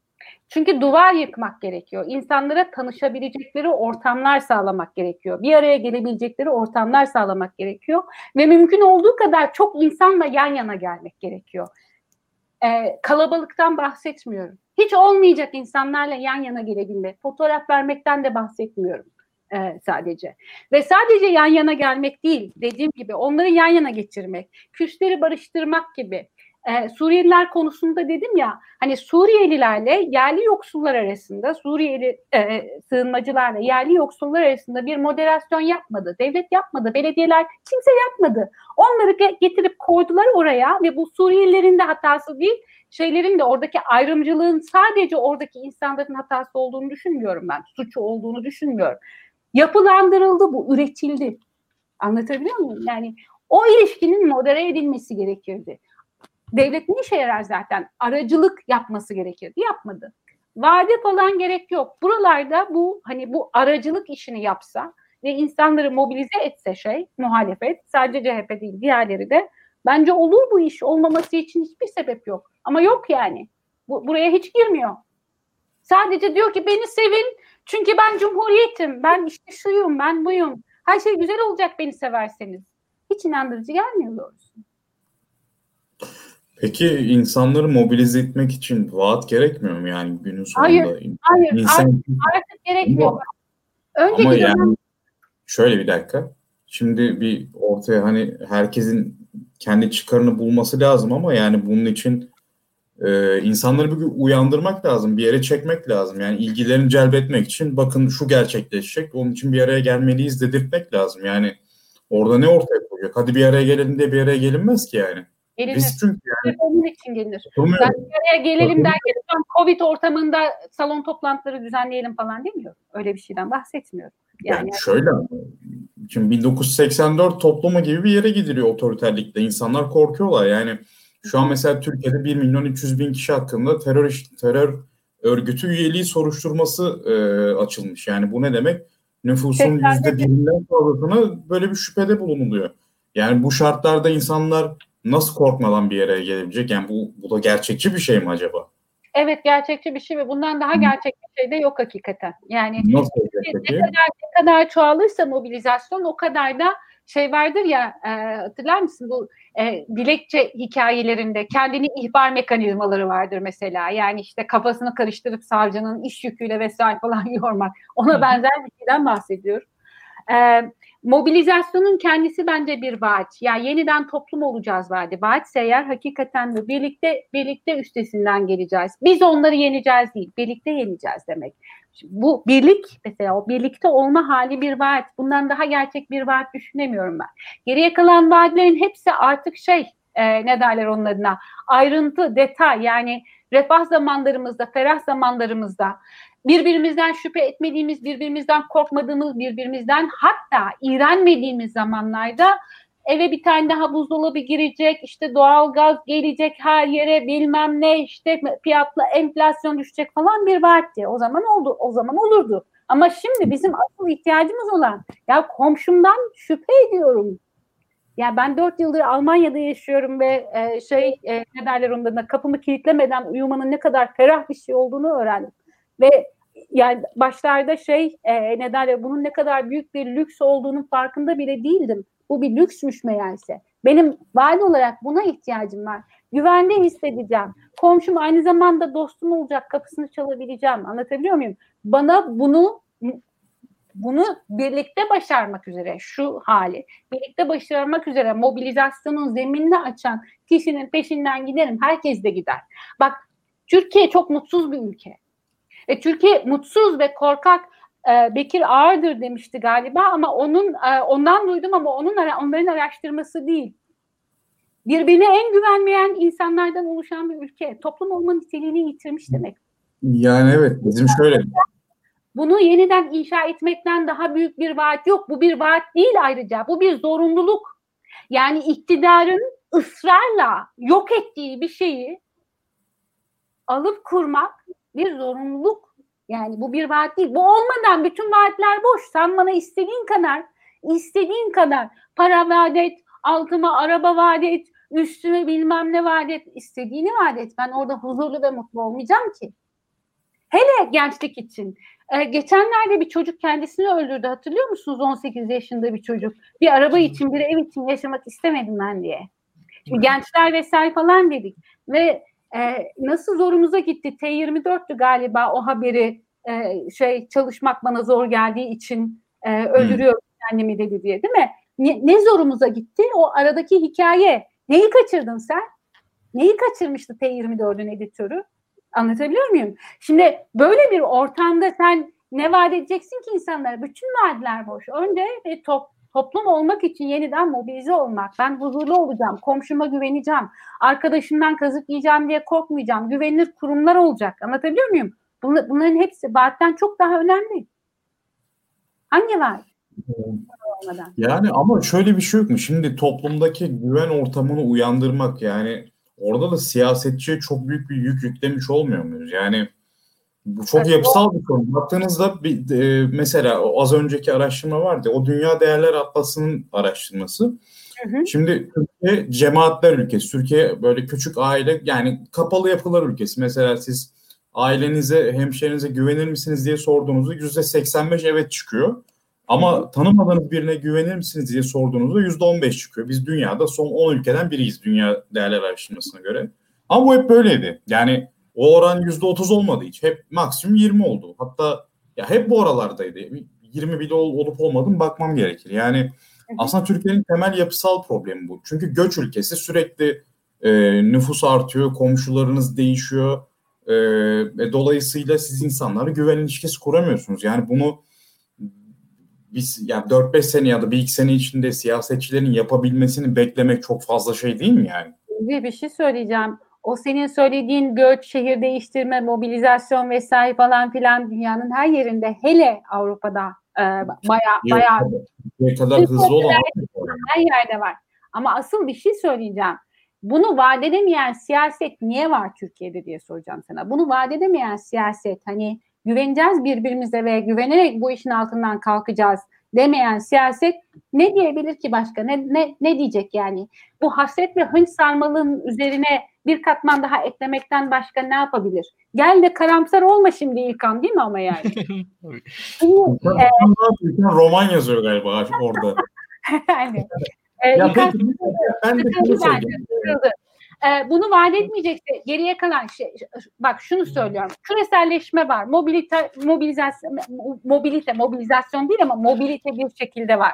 Yani hani gider insanlar bir yerlerde kendilerine daha korunaklı hayatlar kurabilirler bilmem ne. Özellikle okumuşlar hani ya, bunu yapabilirler. Yoksullar zaten hınçlarıyla ortalığı yıkacak şeyler olarak mobilize ediliyorlar mevcut iktidar tarafından. Bunu önermeyen bir siyaset ben sana onu sorayım bunu önermeyen siyaset ne vaat edebilir? Sen de genç bir insansın. Aramızda 12 yaş mı var? 14 yaş mı var? Hatırlamıyorum şimdi. E, yok yok. Sen, sen, sen bana bir söylesene. Yani. Hangi vaat sana çekici gelir şu anda? Araba mı istersin? Ee, ev mi istersin? Ne istersin? Yani bana, ne, bana ne arabadan, bana ne evden yani. Kariyer mi yapacağım Türkiye Üniversitesi'nde? Bana ne? Gidip bir gazetede falan çalışmak da istemem. Bunların hiçbiri bana vaat değil şu anda. Sana vaat mı bunlar? Yani neden olmasın mesela akademide olabilir benim için neden olmasın? Yani bu biraz genel düşünmek lazım bence burada. Yani ya, aslında şunu söylemeye çalışıyorum. Bence mobilizasyon konusu önemli. Ama bunu bir e, cisimleştirmek gerekiyor. Mesela e, bir sonraki aşaması bunun özgürlük olabilir, refah olabilir. Refahı da biraz da açarsınız. İşte e, hayatınızdaki pahalılık sorununuzu çözeceğiz. İşte özgürlük konusunda da mesela böyle teröristliği veya işte Silivri soğuktur esprisinin Demokles'in kılıcı gibi e, başınızda sallanmasını engelleyeceğiz. Daha normal işte e, bir hukuk devleti zemininde e, bir ortak yaşam e, hayali sunacağız. Öyle vaatlerde bulunabilir mesela. Yani burada vaat kelimesi illa ki az önce vaat değil yani. Hani böyle herkese iki anahtar falan tamam. gibi değil de. Anladım ben bir, sana bir şey soracağım. Araya girmek istedim. Az önce şey dedin ya akademi bana mesela olur. Ee, mevcut üniversitelerden, devlet üniversitelerinden hangisinde çalışmayı kendine, boğaz içine otluyu falan demiyorum. Yani bu, bu halde değil canım. Ben hayal ederken bu kadar nepotizm veya işte ahbap çavuş ne düşünmüyorum. Biraz daha biraz daha medeni versiyonlu yani İstanbul'da Peki onu, Ankara'da. biraz daha medeni versiyonu nasıl yapacağız? Başta böyle bir YÖK var. Yani onlarla ilgili hiçbir şey hiçbir hiçbir şey önermiyoruz mesela. Ne yapacağız? Şey mi diyeceğiz? Şart canım. İktidar diyecek yükü kaldıracağız öyle mi? Kaç iktidar söyledi Allah aşkına bu yükü kaldıracağız hikayesini? Kaç iktidar söyledi? Ben yükü kaldıracağız diye gelip de yükü daha otokratik bir şeye dönüştürmeyen tek bir iktidar hatırlamıyorum. Açıkçası 45 yaşında bir insan olarak bana hiç inandırıcı gelmez. Anlatabiliyor muyum? Hiç inandırıcı gelmez. Hele benden sonrakilere, benden yaşı daha genç olanlara hiç gelmez. Şunu duymaya ihtiyacımız var. Hep beraber. Aha da yapıcı eleştiri. Bak yapıyoruz. Yapabiliyoruz. Şunu duymaya ihtiyacımız var. Ben sana şunu vereceğim diyen birine artık inanmak istemiyorum. Ayrıca verdiği o şeyi de almak istemiyorum. Çünkü artık hay- haysiyetim yıpranma noktasına geldi. Toplum olarak hepimizin. Ben kendimden bahsetmiyorum burada. Ben şunu istiyorum. Birlikte yapacağız. Taşın altına elimizi birlikte koyacağız. Ve sonunda ortaya çıkacak olan güzel şeyi de birlikte yapacağız. Ben sizin için şunu yapacağım yani hiçbir hiçbir siyaset artık kimse. Çünkü hep onu dedi bak Tayyip Erdoğan kaç yıldır hepimiz için neler yapıyor Allah aşkına. Hepimiz için yaptı onu. Hepimiz için kendisine bir saray yaptı adam ya. yani niye inanayım ben buna? Bak bu türlü siyasetin sonu aynı zamanda AKP. Bence mevcut siyasi partilerin e, okuyamadıkları şey bu. O yüzden bir türlü o kararsızlar bir yere gitmiyorlar. Ya dedi, dedi biz de dinledik, verdik oyları, verdik, verdik, verdik. Sonunda suyumuzu aldı elimizden. Deremizi kuruttu, havamızı kirletti, tarlamızı plastikle doldurdu. Hani yani hani nerede bunun karşında çocuğun evet üniversite diploması var ama o diploma işe yaramıyor. Dil bile öğrenemedi. Evet. Ne oldu? Şimdi böyle bir enkazın üstüne sen enka, enkazdan ne, vaadi olarak ne çıkaracaksın ki? O yüzden bana siyasetin şunu demesi lazım. Birlikte yapacağız arkadaşım. Ben bunu ben şunu söylesin bana. Harbi olsun siyasetçi canımı yesin. Anlatabiliyor muyum? Yani desin ki ya çok kötü haldeyiz. Bak yani ama buradan birlikte çıkmanın dışında da bir yolumuz yok. Ben tek başıma sizi hiçbir yere gide- götüremem. Birlikte gidiyorsak eğer buyurun yola çıkalım. Anlatabiliyor muyum? Çünkü öbür vaatler denendi bitti. Bak AKP'yi e, bir alternatif olarak ortaya çıkartan şey neydi 2002'de? Denenmemişler koalisyonuydu AKP. Denenmemiş bir potansiyel vardı orada ama ondan artık kalmadı. O bitti. AKP'nin tek bir rakibi vardı bir parti olarak oluştuğunda. Sivil toplum. Ben 2010'a kadar falan e, giden o neşeli halimizin AKP sayesinde değil o sivil toplum sayesinde olduğunu düşünüyorum. Ay her işe atlıyorduk yahu ben hatırlıyorum. Her işe atlıyorduk. İşte savaşa da karşıydık. Çevreyle de ilgili bir şeyler yapıyorduk. Kadınlar konusunda da bir şeyler yapıyorduk. İşte yurttaş falanla tartışıyorduk vesaire falan filan. 2010'dan sonra o iş bitti ve AKP'yi bu hale getiren şey de o işin bitmesi. Ama AKP bunun ya yani Erdoğan bunun en başından beri farkındaydı. Eğer bir dehası varsa o deha budur. Şeyin ne derler onun? Tek rakibinin sivil toplum olduğunu biliyordu. Yok etti onu ve bu hale geldi. Bu hale gelebilmek için de yok etti. Partilerden herhangi herhangi bir parti onun rakibi değildi yoksa.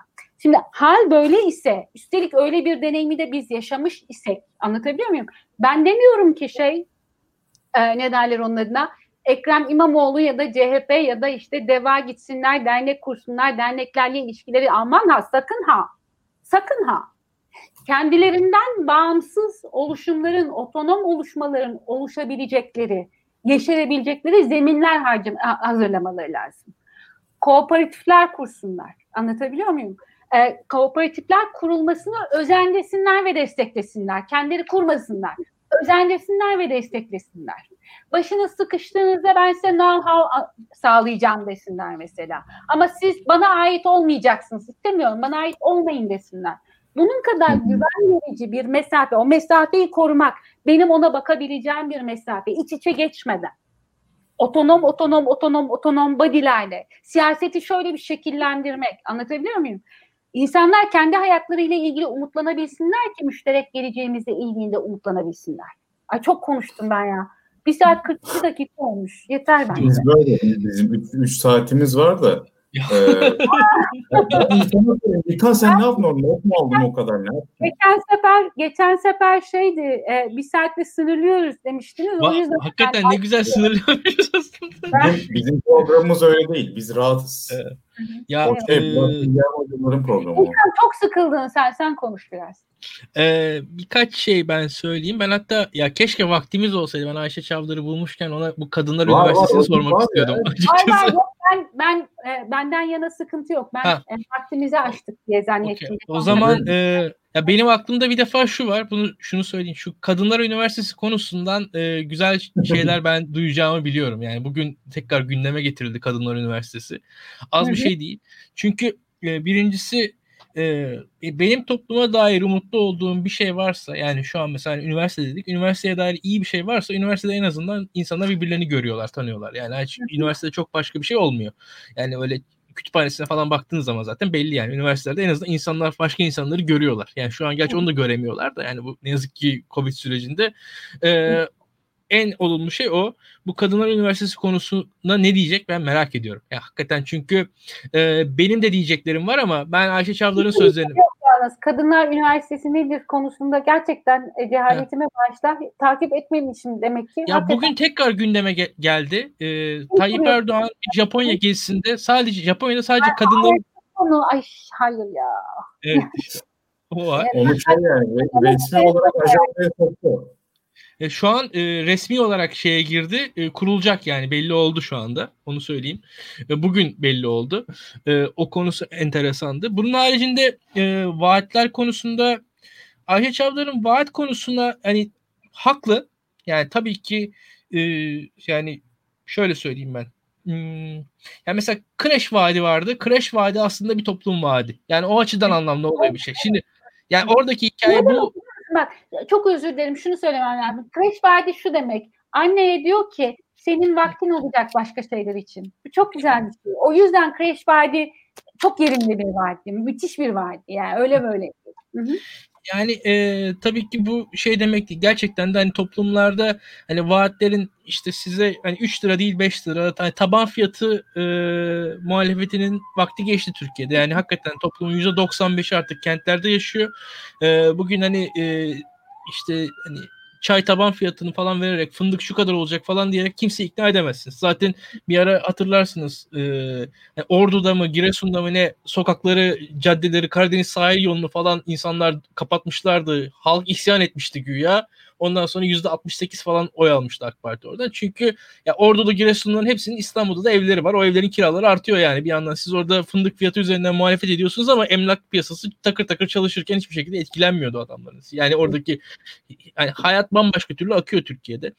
Ee, buna katılıyorum. Yani orada hani, vaat derken vaadin bir hayat vaadi, toplum vaadi olması gerekiyor. Yani burada yani iş vaadi olduğu kadar o işin nasıl olduğu da önemli. Yani o gök konusunda da katılıyorum. Tamam bunlar doğru. Ee, bunun haricinde e, ne yazık ki birkaç yani bazı konular hakikaten Türkiye'de hmm, belli açılardan zor. Şimdi mesela Suriyeliler konusunda doğru, haklısınız ama dahası var. Daha da kötü de olabilirdi. Ben ondan da korkuyorum açık konuşayım. Yani hani e, daha da kötü de olabilirdi. Yani bu konuda hala tamam, olabilir yalnız. Hala olabilir. olabilir. olabilir. Doğru olabilir. Maalesef yani, olabilir yani. Yani e, şimdi mesela yani, hani ne kadar bu hani şey yapmak belli olur da yani bugün bir yani İstanbul seçimlerinde tek konu Suriyeliler olabilirdi yani. hani başka bir konuda ve o konu referandumuna dönüşebilirdi o seçim yani. Ben Aynen. benim kurguladığım Türkiye'de öyle bir ihtimal vardı yani. Ben onu görebiliyordum toplumda. Bakıyorum sen de bayağı karamsarmışsın. Ee. ee, ama en azından şu var hani muhalefettekiler de e, en azından e, gördüğüm kadarıyla belki beceriksizliklerinden belki sorumluluklarından o topa tam girmediler. Hani bir girebilecek olanlar vardı. Girebilecek olan birkaç figür onlar geriye çekildi. Zaten bugün ayrıldılar partilerin. Yani o o şey gözüküyor zaten yani. Hani orada e, o, o topun çok kullanmak istemediler. Hani e, bir yere kadar idare edebiliriz, bir yerden sonra edemeyebiliriz o konularda. Tehlikeli. Ona katıl onu söylemem lazım. E, bunun haricinde e, yani toplum açısından benim dediğim gibi iyimserliklerim toplumun birbirlerine değdiği anlarda artıyor. Gerçekten e, hani gated community'ler, bu siteler sıkıntılı ki e, imar olarak şunu da söyleyebilirim. Mesela e, hakikaten şey vardır. Birçok binanın ortasındaki parklar, dört tane apartman ortasındaki birçok park aslında kamunun ve o, o parklar aslında e, o duvarlarla kamudan ayrıştırılıyor. Birçok yerde öyle şeyler var. O çünkü o yani imar izni de kamu hizmetleri özelleştiriliyor çünkü duvarın arkasındaki alanı e, şey yapmak için taşeron şirketle anlaşıyor ve onun için para topluyor insanlardan o site yönetimi. Yani orada inanılmaz bir rant var. Öyle böyle değil yani o site yönetimleri de başka bir şekilde hatta o sitede çalış yani yaşayan insanlara karşı da bir otoriteleri var falan. Yani orada orada ciddi sıkıntı var. O, onun bir e, sosyal olarak yönetilmesi gerekiyor ki ya yani şunu da söyleyeyim yani e, belediyecilik, e, kent planlama falan m, hani liberal sosyalist falan şeyin ötesinde bir şey. Yani hakikaten orada e, bu e, hani başka konuda diyelim hani de, e, devlet şunu yapar mı bunu yapar mı değil ama devlet şehircilik yapar yani. Bu konunun söylenmesi lazım diye düşünüyorum. E, bunun haricinde e, bir tarafından da hani ben gene iyimser tarafını söyleyeyim. E, Türkiye'nin e, sosyal olarak e, bugün mesela öyle ya da böyle bakalım yani, ben, yani mesela yani ya Ayşe Hanım siz okurken üniversite öğrencisi olmak Türkiye'de çok gösterilen bir şeydi mesela. Şu üniversite öğrencisi denirdi yani. Orada öğrenci denirdi. Çok az insan öğrenciydi. Nasıl bir havamız vardı mahallede evet, öyle böyle. Evet, aynen öyle. Çünkü çok seyrek bir şeydi yani. Türkiye'de 20 yaşında insanların o zaman yani 3-5 tanesi 100 tanesinden öğrenciydi yani. O zamanlar öğrenci olmak şu an herkes öğrenci. Bunun iyi tarafı var. İnsan insanlar birbirlerini görüyorlar en azından. Yani bu şekilde ve şu var 18 yaş sonrasında insanlar ailelerinden bağımsız bir sosyalleşme imkanı en azından kavuştular. Çünkü Türkiye'de evet kapalı e, toplum. Yani e, az önce e, Onur istatistikler verdi. Toplum sokağa çıkıyor ve e, kazık yerim acaba korkusuyla yaşayan insanlar topluyuz biz gerçekten de. Yani bu sıkıntılı bir şey. Bu bu güvensizlik, bu bir anda e, yani şöyle söyleyeyim. Araba kullanıyoruz. Araba kullanırken Türkiye'de korkuyoruz. Yani bir, bir ya kaza olursa ben haklı olmaktan korkuyorum. Çünkü hani haksız olsam tamam derim ama haklı olursam ya nasıl hakkımı arayacağım bilmiyorum yani. Çünkü tehlikeli, riskli bir şey ya hakikaten. Ee, yani haksız olmak istiyorum. Tamam suç bende diyeyim, çekileyim, gideyim yani. O daha güvenli bir şey en azından. Ee, ya haklı olursam çok kötü. Yani e, bunun gibi şeyler var Türkiye'de. Evet bu doğru ama bizim hakikaten toplumun e, farklı kesimlerin birbirine dokunduğu yerlerin sayısını arttırmamız gerekiyor diye düşünüyorum. E, bunu söyleyeyim. E, bunun haricinde e, bunun bunun yerleri var. Bunun yerleri var. Yani ilk başı okul tamam doğru. Bu ilk başı okul okulun dışında gerek belediyenin gerek kamunun bunun için alanlar yaratabileceğini düşünüyorum. Bu alanlar nerede yaratılabilir? Esasında yani Türkiye'de yani dini kurumlar vesaire bu tarz işlevler geçmişte görebiliyorlardı. Yani belki de gö- görmeleri gerekirdi. Bizde o şu an ayrışmanın ve e, farklılaşmanın yeri haline geldi. Daha ziyade birbirine kapanmanın yeri haline geldi belki de. Onu da sorgulamak gerekir belki de. Ama e, bunun haricinde e, şunu söyleyeyim yani toplumun sokakta birbirine değiyor olması, konuşabiliyor olmasının anlamlı olduğunu hep söyledim. E, oradan bir yol bulunabilir. E, vaat konularında yani vaat konularında ben hala e, bir gelecek umudunun için vaadin anlamlı olduğunu düşünüyorum. Ve Ayşe Çavdar'ın e, eleştirisi doğru. O bir hani bir hayat vaadi olduğu zaman belki anlamlı. Yani orada e, tabii ki biz de şey yani o taban fiyat vaadinden bahsetmiyorum yani onu söyleyeyim. Yani orada hani bu kreş bir örnek. Yani atıyorum mesela insanların e, işte çocuklarına dair vaatler verilebilir vesaire. Bunlar e, anlamlı örnekler olabilir diye düşünüyorum. E, bir diğeri gerçekten de insanlara o insanların e, insanlara kendilerini değerli hissettirmek gerekiyor. Orada onların var olduğunu, onları en azından dinlediklerini siyasetçilerin hissetmeleri, hissettirmeleri gerekiyor diye düşünüyorum. Ki burada yani bu yayında belki de hani e, Ayşe Şavdan'ın söylediği en manşetlik cümle hakikaten umurlarında değildi yani gerçekten o o umurlarında değillik bir olay. O Çankaya'ya asılan şey ya o bir bunun nesini yorumlayacağız biz yani umurunda değil adamın dalga geçiyormuş gibi o, o gerçekten öyle bir şey yani onun e, artık yorumlanabilir bir şey değil. Burada hani Onur bize soruyor bunu yani ne diyelim buna? Ya ben buna ne diyeceğim yani burada bu adam benimle dalga geçiyor aslında orada veyahut da işte hani keyif çayı. Yani bunun, şey, bunun Çankaya, hani yok. en yakın yer ya. Hayır yani ya neresi olur? MHP, MHP Şöyle bir durum var. Şimdi e, askıda ekmek denen şey zaten Türkiye'de her fırında var bu uygulama neredeyse. Ben o olmayan bir şey de görmüyorum. Bizim bilmediğimiz bir şey de değil. Hani Türkiye'de hani yabancı hayatımızda görmediğimiz yani biz hani biz de şeyli değiliz ya Marslı değiliz yani. Biz de biliyoruz bu askıda ekmek diye bir şey var. oluyor. Zaten hani e, fırınlarda bu çözülür yani. Çöz, bu, bunu zaten mesele bu değil. Onun olmadığını herkes anlıyor. Üzücü. Yani e, ama şunu söyleyeyim, e, kentsel e, tasarım ve kentsel planlama açısından e, bir şeyler yapılması gerekiyor toplumda. Yani o, o da gerçek. Yani o, o, o eleştiri çok doğru. Yani o eleştiri e, sırf bir e, estetik eleştiri değil. O eleştiri toplumsal bir eleştiri. Yani e, en basitinden bir e, mesela bir kadının bebek arabasıyla evinden parka kadar gidebiliyor olması çok basit bir kent standardıdır. Yani hani bu Türkiye çok zor bir şey aslında. Çok basit bir şey söylüyorum. Ve bu yani şu an mesela toplum yaşlanıyor. E, bundan 20 yıl sonra yani yaşlı olacağız. 80-90 yaşında insanlar evden parka kadar gitmek, o bebek arabasıyla gidilen yolda yaşlı da gidebilecek anlamına gelir aslında. Yani o standartı siz sağladığınız anda kentlerinizde birçok insan doğru düzgün yaşamaya başlar. Şimdi mesela Ayşe Hanım şimdi Almanya'ya gittiğiniz zaman bir anda görüyorsunuz çok fazla engelli var. Niye? Engel çünkü sokağa çıkabiliyorlar. Yani bu, evet. bu kadar basit. Yani bizde sokağa çıkamıyor bu insanlar. Neden sokağa çıkamıyor? İşte o bebek arabasının sokağa çıkamadığı için onlar da sokağa çıkamıyorlar. Yani hani evet. bu tarz şeyler insan Evet yani hani ya şu an düşünün bu engelliler bile siyasetin konusu bile yapılmıyor bu insanlar yani en basitinden. Hani bunlara ya merhaba deseniz e, bu bile etkili olur diye düşünüyorum. Evet yani şeyin e, içerilmeyen kesimlerin içerilmesi lazım ama şu an Nezih'cim sen ne diyorsun? Ben bir şey demiyorum. Gibi oldu. yok yok ben dinliyorum şu an. Sıkıntı Eyvallah. Yok. Ee, yok şey e, söyleyeceğim fazla bir şey yok. Birçok konuda anlaşıyoruz. Yani hani e, fakat aynı şeye döneceğim. Bütün bunları nasıl bir enerjiyle yapacağız? Şimdi Türkiye'nin parası yok. Büyük bir ekonomik kriz var. Yani bu hükümet bugün gitse yarın e, lira toparlamayacak. Yani öyle bir şeyler yok. Dolayısıyla e, şeyin muhalefetin aslında tek bir gücü var. Bir de hani muhalefetin kendi içindeki e, şeyini hani anlaşılma çeşitliliği güzel. Hani çoğulcu olsun çeşitliliği güzel ama o çeşitlilik gerçekten e, öneri ya da vaat ya da siyaset farklılığından mı kaynaklanıyor? Yoksa şeyden hani bir profesyon bir profession olarak bir meslek olarak siyasetçilik denilen hikayeden mi kaynaklan kaynaklanıyor? Pek emin değilim açıkçası.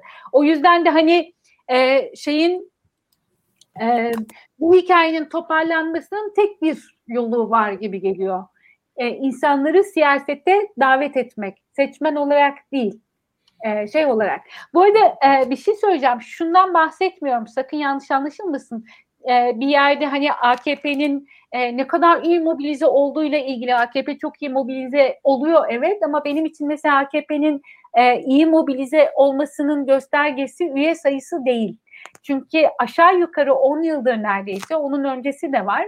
E, neredeyse hani devlette işim görülsün diyenin e, ya da azıcık bir ayrıcalık isteyenin çocuğunun okula e, güzel iyi bir okula girmesini isteyenin vesaire falan mecbur mecbur bırakıldıkları neredeyse bir şey o.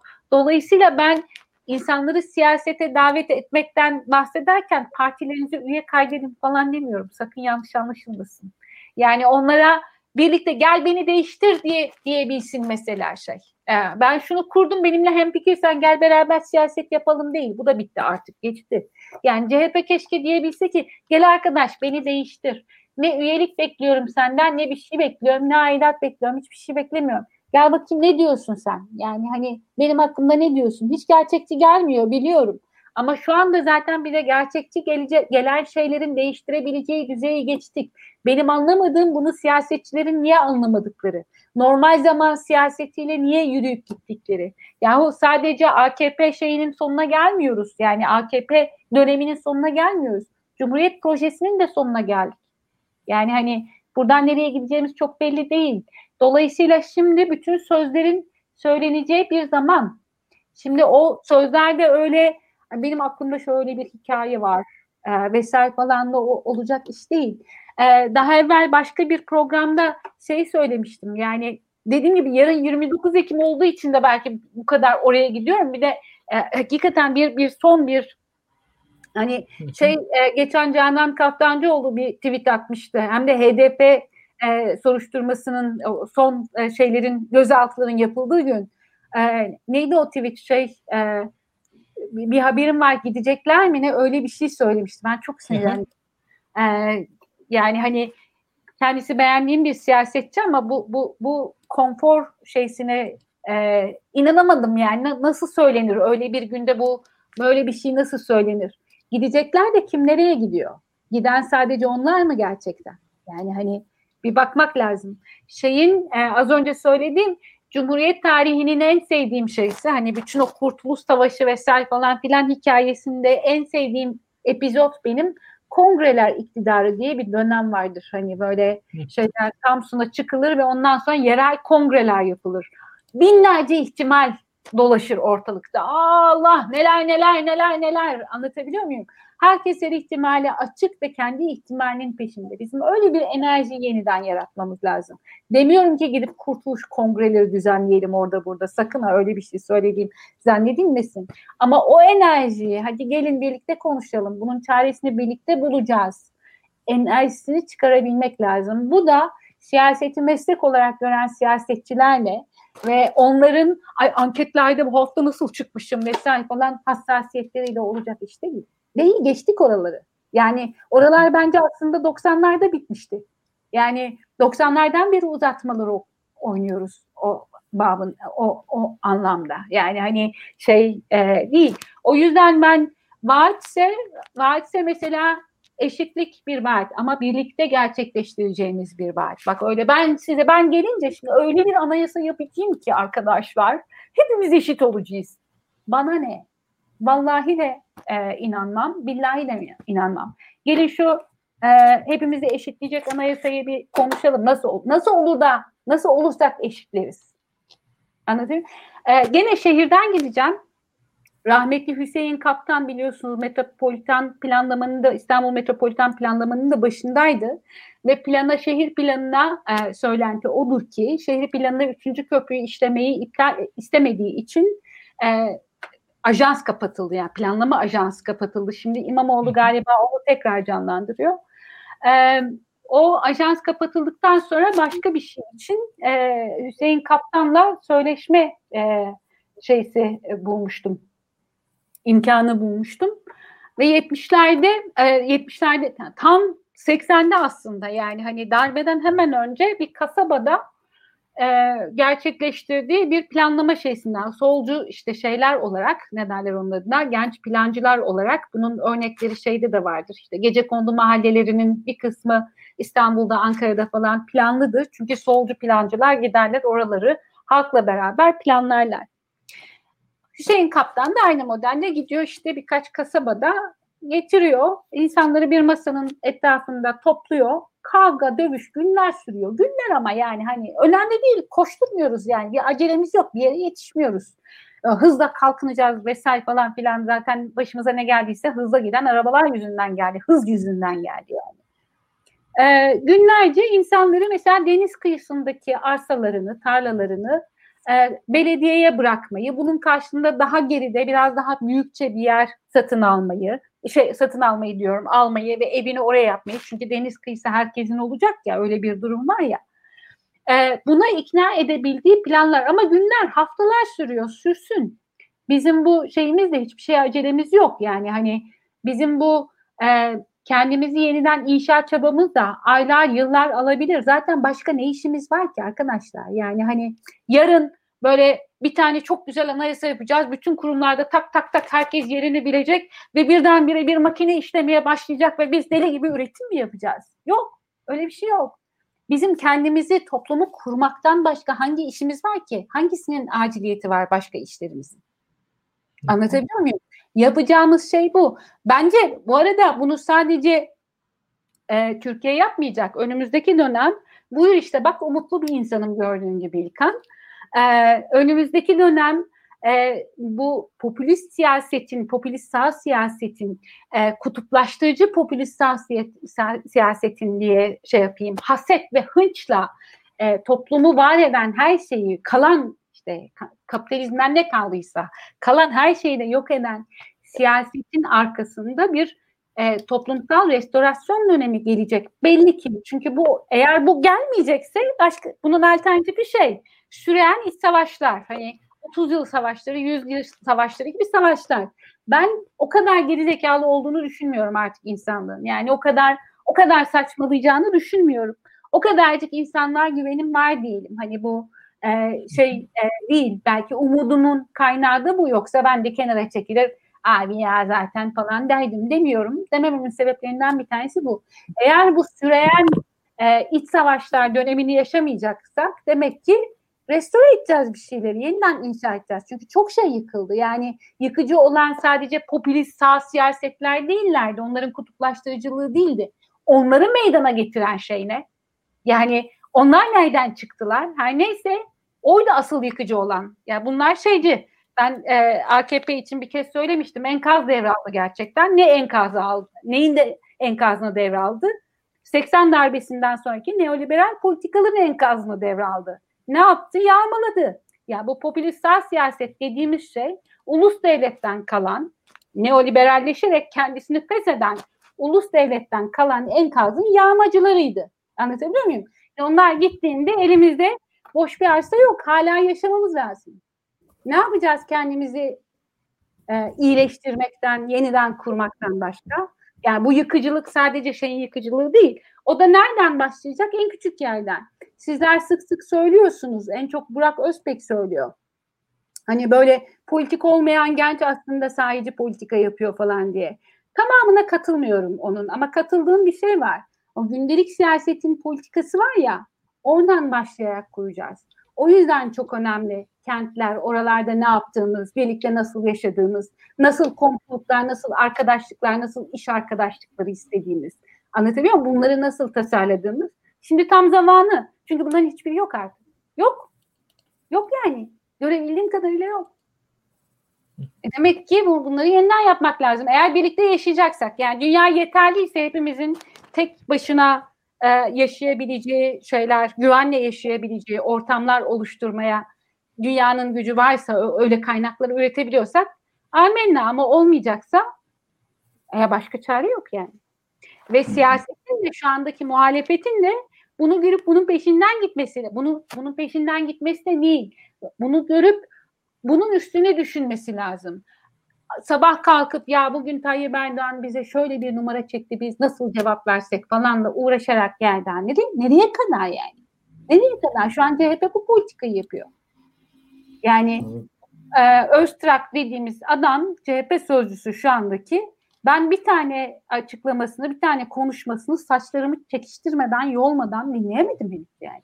Olmuyor. Çok üzgünüm. Olmuyor yani. Hani şey değil.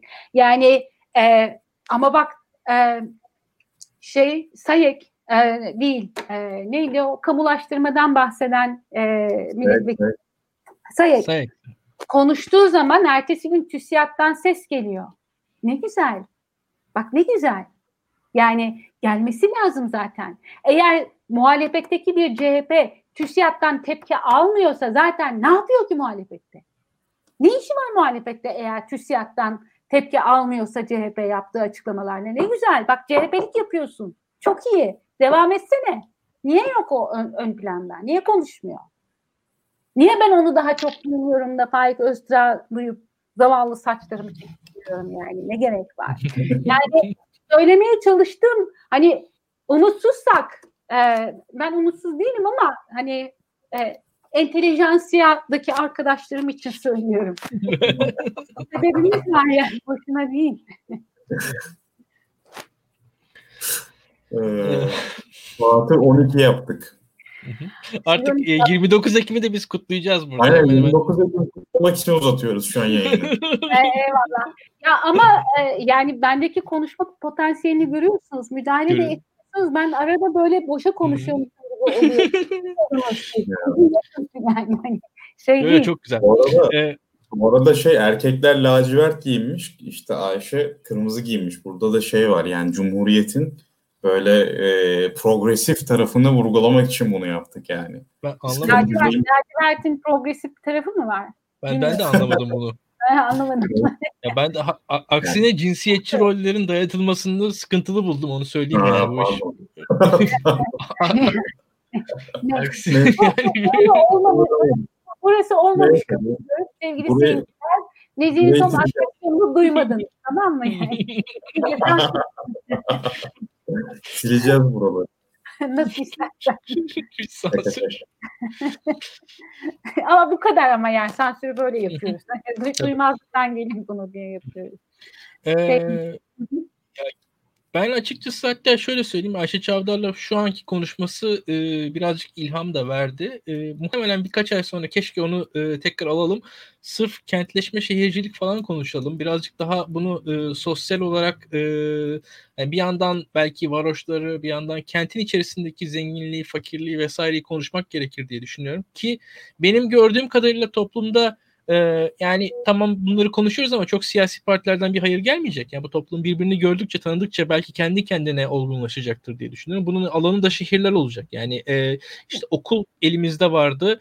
Yani tabii korona kalıplarımızı alt üst ediyor. Ne yazık ki zarar görüyoruz diye düşünüyorum ondan ama e, ben gelecekte bir kent yayını yapalım istedim. Yani şu e, tüm duyduklarım bana onu hatırlattı. Onu e, Yani ben çok yanlış bir isim olurum öyle bir şey e, yapmıştım. Çünkü dört yıldır İstanbul'da değilim ve İstanbul'u çok özlüyorum. Yani, yani çünkü, şöyle söyleyeyim.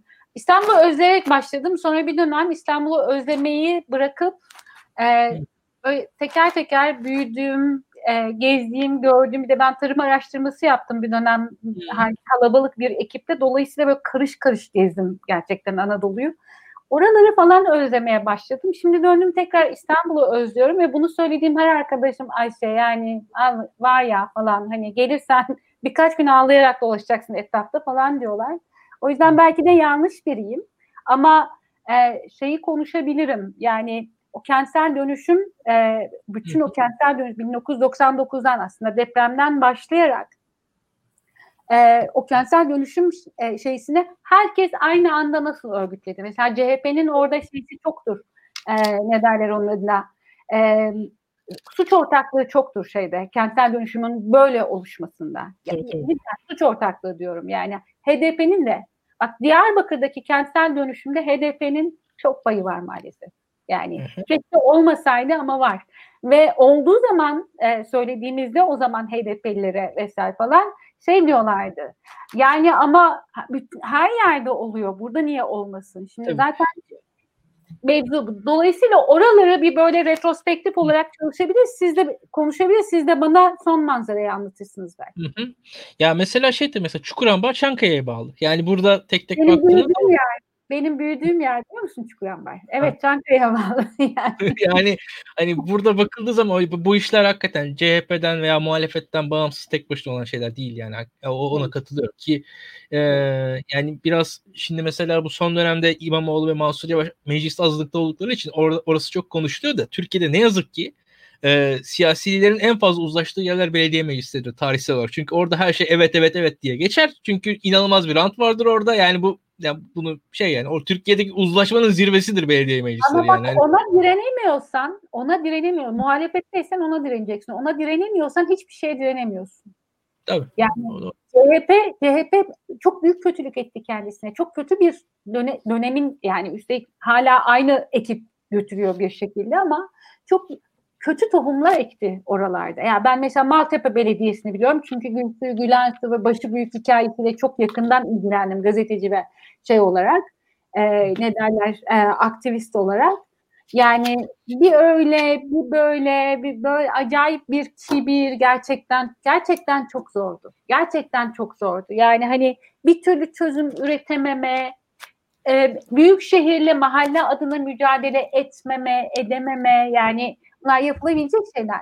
Buna direnemezsen onu uzatmayacağım. Sonra konuşuruz. Ama Hı-hı. söylemek istediğim hani sabahtan e, sabahtan akşamdan beri o kadar uzun zaman geliyor ki. Ee, akşamdan beri söylediklerimin e, özeti de bu. Buna direnemiyorsan. Çünkü ne oldu bak yani hani kentsel dönüşüm dediğimiz şey göç dedi ya şey e, Nezih öyle bir harcümerci oldu ki yani şehir içinde yerinden edildi insanlar. Yani herkes sürekli yer değiştiriyor. Anlatabiliyor muyum? Ne oldu?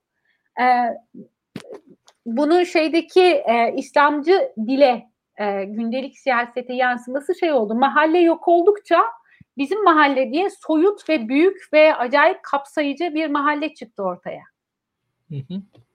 Gerçek mahalle olsaydı bizim mahalle diye öyle bir şeyden bahsedemezlerdi gerçek mahalleyi yok etmek suretiyle o mahalleyi uydurdular ve yaratabildiler.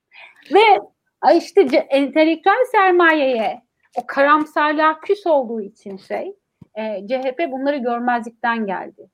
Belediye meclisinde ağırlığını koyamadı. Yapamaz mıydı? Hele ilk senelerde nasıl da yapardı yani? Nasıl da yapardı? Yapmadı. Yapmadı yani.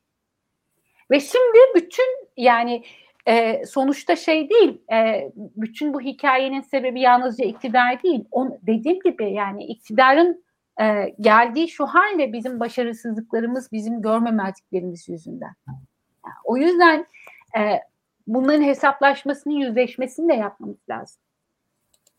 Evet.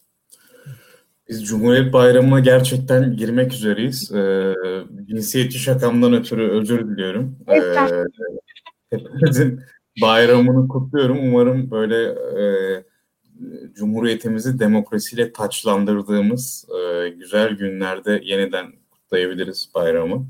Ee, kutlanası bir şey Cumhuriyet ya. Çok kutlanası bir şey gerçekten. Çünkü bir eşitlenme e, projesi ve e, çok e, mücadelesi kurulduktan sonra yapılmış bir şey bu. Yani bu eşitlik hikayesi, eşitliğin mücadelesi Cumhuriyet kurulduktan sonra yapıldı. O yüzden de çok kıymeti bilinmedi. E, hmm. Ama hakikaten çok kutlanası bir şey e, bu e, ve e, daha da çok senelerde e, çok farkında olarak ve yeniden o eşitliğin mücadelesini vererek kutlayalım inşallah yani. İnşallah. Bağımsızlığımızı e, tadarak elde ettik. Şimdi özgürlüğümüzü de ve eşitliğimizi de öyle elde ederiz diye umuyorum. Hepinize evet. iyi akşamlar. Kendinize iyi bakın. İyi akşamlar. Herkese iyi bayramlar. Bakalım ben